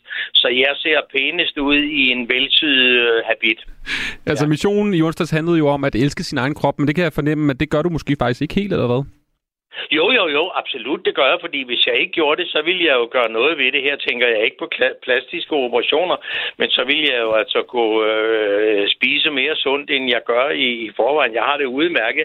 Jeg har det udmærket med min krop, men, men øh, øh, den måde, man flasher den på i dag, det er jo, at man ringer efter både ekstrabladet og ser og hører, hvis man sidder og smider tøjet på Amager Strand. Det gjorde vi andre bare i gamle dage. Man gik ned til vandet, stille og roligt i sine badebukser. Så tog man sine badebukser af, og så gik man ud og badede nøgen, og så kom man op, og så tørrede man sig og tog sine badebukser på. Man gik ikke og flanerede, som det hed i gamle dage. Man, man promenerede ikke og svingede med juvelerne. Øh, øh det gjorde man ikke. Man var pæn og nydelig og diskret. Men det var jo en stor fornøjelse for os unge mænd, og i øvrigt også for os ældre, når vi ser de unge piger. Af en eller anden årsag har jeg det bedre med at se på kvinder end på mænd, men det er en anden historie. Ja, vi må, vi må hellere stoppe den her, øh, Knud. Vi har jo travlt. Vi har en øh, uh, hundes masse spørgsmål i øh, brevkassen. Kassen er fyldt med, uh, med spørgsmål uh, i den her uge til dig, Knud Melgaard. Du er altid ja. velkommen til at skrive ind til mig på 1424, hvis du altså har et spørgsmål til Knud Melgaard, og det er der mange, der har gjort. Og lad os bare hoppe ud i det, Knud. Uh, det første spørgsmål. Jeg har billetter til Roskilde Festival, og dem har jeg jo faktisk haft i to år. Altså, jeg har beholdt billetterne på grund af corona, og jeg glæder mig rigtig meget. Problemet er, at uh, min kæreste skal føde et par dage efter festivalen er slut vores andet barn, og det var selvfølgelig ikke planlagt dengang, jeg købte billetterne. Nu er jeg i tvivl, skal jeg tage afsted? Jeg glæder mig rigtig, rigtig meget, eller skal jeg blive hjemme og ligesom passe på min kone, som muligvis skal føde? Det er Esben, der spørger dig, Knud Melgaard. Nej, det skal han ikke. Hvis konen ellers er sund og rask, det at være gravid er jo ikke noget. Jeg har fire børn og fire børnebørn, så jeg ved, hvad jeg taler om. Og det at være gravid og føde, det er jo ikke nogen sygdom. Og han skal tage afsted og nyde sin Roskilde Festival, og vil han have nogen med, så kan han tage mig med på hendes billet, for jeg har endnu ikke fået taget mig sammen. Og så skal han komme hjem og fortælle sin kone og være til stede ved fødslen, og så vil hans barn senere sætte stor pris på, at, at han eller hun, hvad det nu bliver, øh, var til øh, Roskilde øh, Festival hvis det så i øvrigt sker. Men jeg tror nok, at hun kan, hvis hun er øh, sund og rask, og så, videre, så kan hun nok holde sig, ind- han- indtil han kommer tilbage. Afsted på Roskilde Festival med ham. Aha, nå, jeg, jeg troede, du var socialist og gik ind for solidaritet og den slags. Ja, ja, det, gør- det, det gør jeg også, og han skal, han skal jo selvfølgelig være der, hvis det, hvis det er det, hun vil. Jeg synes, at han skal lade hende bestemme, og jeg tror ikke, hvis hun er en fornuftig kone, og det kunne godt lyde som om, han har en fornuftig kone, så tror jeg ikke, at hun vil, at hun vil øh, nægte ham. Så kan hun jo ringe. Vi har jo mobiltelefoner, det havde vi ikke i min ungdom, at sige, ved du hvad, jeg skal altså føde inden for de næste tre timer. Gider du lige kigge forbi? Der er et rigtig godt spørgsmål her også, øh, Knud, som jeg glæder mig til at høre, hvad øh, du tænker om. Det er Nina, der spørger. Kære Knud, jeg er underviser, jeg er yngre, jeg er lige blevet ansat her for et års tid siden på en kort kontrakt. Det står til at forhåbentligvis blive forlænget her om lidt, men jeg mangler stadig at få kontrakten til, at jeg kan skrive under. Det, de ikke ved, er, at jeg er gravid i fire måneder. Det er lidt samme tema, kan man sige her, som det andet spørgsmål. Skal jeg sige det til min arbejdsgiver med far for, at jeg ikke bliver forlænget, eller skal jeg lige holde det hemmeligt, indtil jeg rent faktisk bliver forlænget og har skrevet under på kontrakten? Et svært spørgsmål, det her, Knud. Hvad, men hvad mener du? Nej, hun skal, hun skal natur... Nu har jeg jo været arbejdsgiver hele mit liv. Jeg har aldrig prøvet at være ansat nogen steder. Men, men det hører med til almindelige anstændigheder, det går jeg jo ind for. Selvfølgelig skal hun fortælle sin arbejdsgiver, at hun er gravid. Det må der vel også snart kunne, øh, kunne ses på hende. Øh, men hun skal fortælle det til sin arbejdsgiver, og så er hun jo forhåbentlig så heldig, at arbejdsgiveren sagde, jamen ved du hvad, det løser vi, når den tid kommer, og så har hun fået ligesom en sikkerhed for, at det er hende, der har fået det rigtige job. Og i øvrigt tror jeg ikke, men nu taler vi fagforeningen, det skal vi ikke. Han, hvis hun er ansat, så der står ikke skrevet nogen sted, at hun er pligtig til at opgive det. Men i anstændighedens navn synes jeg, hun skal gøre det. Nå, men, men i den virkelige verden er det jo noget, som arbejdsgiver tænker over det her. De vil jo så sige, at men vi finder en anden så. Vi vil ikke have øh, en eller anden, der skal på barsel. Nej, det ved jeg ikke. Jeg har, jeg har engang for mange tusind år siden øh, ansat en, som øh, hun var så i syvende måned, da jeg ansatte hende, øh, og hun skulle, hun skulle bare sidde på et kontor, og hun var sund og rask. Og jeg skulle aldrig have ansat hende for hun, øh, overhovedet, for hun bestilte ikke andet og koste rundt med mig, både før og efter hun havde født. Men hun var en dygtig medarbejder, så jeg var glad for skideballerne, og jeg var glad for, at jeg ansatte hende. Meddel det til din arbejdsgiver, og så vær sikker på, at du får jobbet. Hej Knud Melgaard. Skal jeg i grunden høre Mette Frederiksens podcast til en, der har skrevet ind til os her i dag? Nej. Det var det korte svar. Okay. Jamen, øh, statsminister og i øvrigt også min partiformand, hun skal holde op med at lave podcast. Jeg har lige siddet og læst her i aviserne, at nu er verden gået fuldstændig at lave, at nu er det statsministeren, der stiller spørgsmålene til en chefredaktør øh, og, og, og redigerer det også. Stats, statsministeren og Inger Støjberg og alle de der politikere skal holde op med at optræde som interviewer. De er politikere, og de skal svare på spørgsmål. Og hun får ikke nogen gevinst ved at lave podcast. Nej, ikke noget med at lytte til statsministerens podcast. Knud Melgaard, hvem holder du med? Johnny Depp eller Amber Heard? Øh, jeg er nødt til at sige Johnny Depp, for han, er den, for han er den eneste, jeg kender. Er han ikke ved at blive lidt, lidt, lidt halvgammel og lidt kvapset? Jo, jo, og det er jo fordi, han er i retssag med sin tidligere kone Amber Heard omkring noget hustruvold. Nå, okay, det skal, ja. det skal vi lade være med. Altså, hvis, der, er- hvis han, man forøver ikke vold mod nogen mennesker, og slet ikke sine hustruer. Jeg ved, hvad jeg taler om, og jeg har haft tre af dem, øh, og jeg kunne ikke drømme om, de har tit øh, stukket mig på skrigene. Det er så en anden historie. Men øh, nej, hustruvold skal vi ikke have, og hvis han har gjort det, så skal han straffes, fordi så er han skiderik, man opfører sig ordentligt. Sådan. Hej Knud, hvilken planet vil du egentlig helst besøge, hvis du kunne? Det er René, der spørger om det her meget, øh, kan man sige, filosofiske spørgsmål. Venus, det er jo klart. Sådan. ja, ja, det, det, det kan jeg godt forstå. Hvad skal der ske til din begravelse, hvis du selv kunne ønske? Altså, hvad skulle der foregå? Ikke en skid. Ikke en det er klaret. Det har jeg klaret med min, med min, øh, med min, øh, yngste, med min yngste søn og min advokat. Lige så snart jeg er død, så skal de passe på ikke at sætte ild til mig, for med alt det sprut, jeg har i kroppen, så brænder jeg i fire dage. Men når jeg ellers er det dampet af, så skal jeg puttes i en billig trækasse, og det skal være sådan noget genbrugshalløj, og så skal jeg futtes af, og så øh, skal jeg begraves på øh, de ukendtes øh, et eller andet. Når vi er døde, så er vi døde. Okay, så der skal ikke være en anden mindehøjtidlighed eller noget nede på palæbar eller den slags? Må, må jeg så være fri? Og det vil så i øvrigt, hvis der skulle være det, så ville det jo tære på den beskidende arv, som mine fire børn skal have. Så lad os endelig bare komme videre. Jeg er sikker på, at jeg er jo en troende mand. Jeg tror jo på Gud og fanden, og jeg er sikker på, at hvis jeg skal tages imod enten oppe, hvor der er herligt og svælt, eller nede, hvor der er meget varmt, så er det dem, der tager sig af det videre. Når jeg er død, så er jeg død og borte og afsted med mig. Så er der også et, øh, et afsluttende spørgsmål her. Jeg tror, jeg tror ikke, vi når meget mere. Det er, hvordan forfører man i grunden dig, Knud Melgaard? Oh, det er nemt. Byd mig på en... Øh, jeg har lige været til vinsmagning i dag hos italienerne. Byd mig på en god flaske Barolo. Og så, nu håber jeg, håber, hvis du ellers kunne lukke for... Hvis du lige lukker for mikrofonen, så skal jeg gerne fortælle dig i al hemmelighed lidt øh, frækt undertøj og et par høje stiletter. Ej, det er også... Ja, men det er også godt. Det er også godt, Knud. Det kan jeg godt forstå. Det er altså Barolo frækt undertøj. Det er det. Er det. Hvad med noget vand? Glem ikke stiletterne. Og stiletterne selvfølgelig også, ja. Det er skrevet ned og hermed givet videre til spørgeren her i Knuds brevkasse. Knud Melgaard, tusind tak, fordi du har lyst til at svare på de mange gode spørgsmål. Knud, hvad skal du lave i weekenden? Jeg skal, øh, jeg skal, ja, det lyder kedeligt. Jeg skal, jeg skal arbejde og forberede mig på, at jeg skal i et af dine konkurrerende programmer her inden længe og holde et times foredrag om, øh, hvad fanden er det, vi skal stemme om? Øh. Om, om øh, hvad hedder det, forsvarsforbeholdet? Nå, det var rigtigt. Det var godt, du sagde det. Jeg skal bare forberede mig på at kunne tale en, en, en time om forsvarsforbeholdet. Og det, det kan du, du kan høre på mig. Jeg kan ikke engang huske, hvad det var. det skal nok blive rigtig godt. Knud Melgaard, du må have en forrygende weekend, og held og lykke med forberedelserne.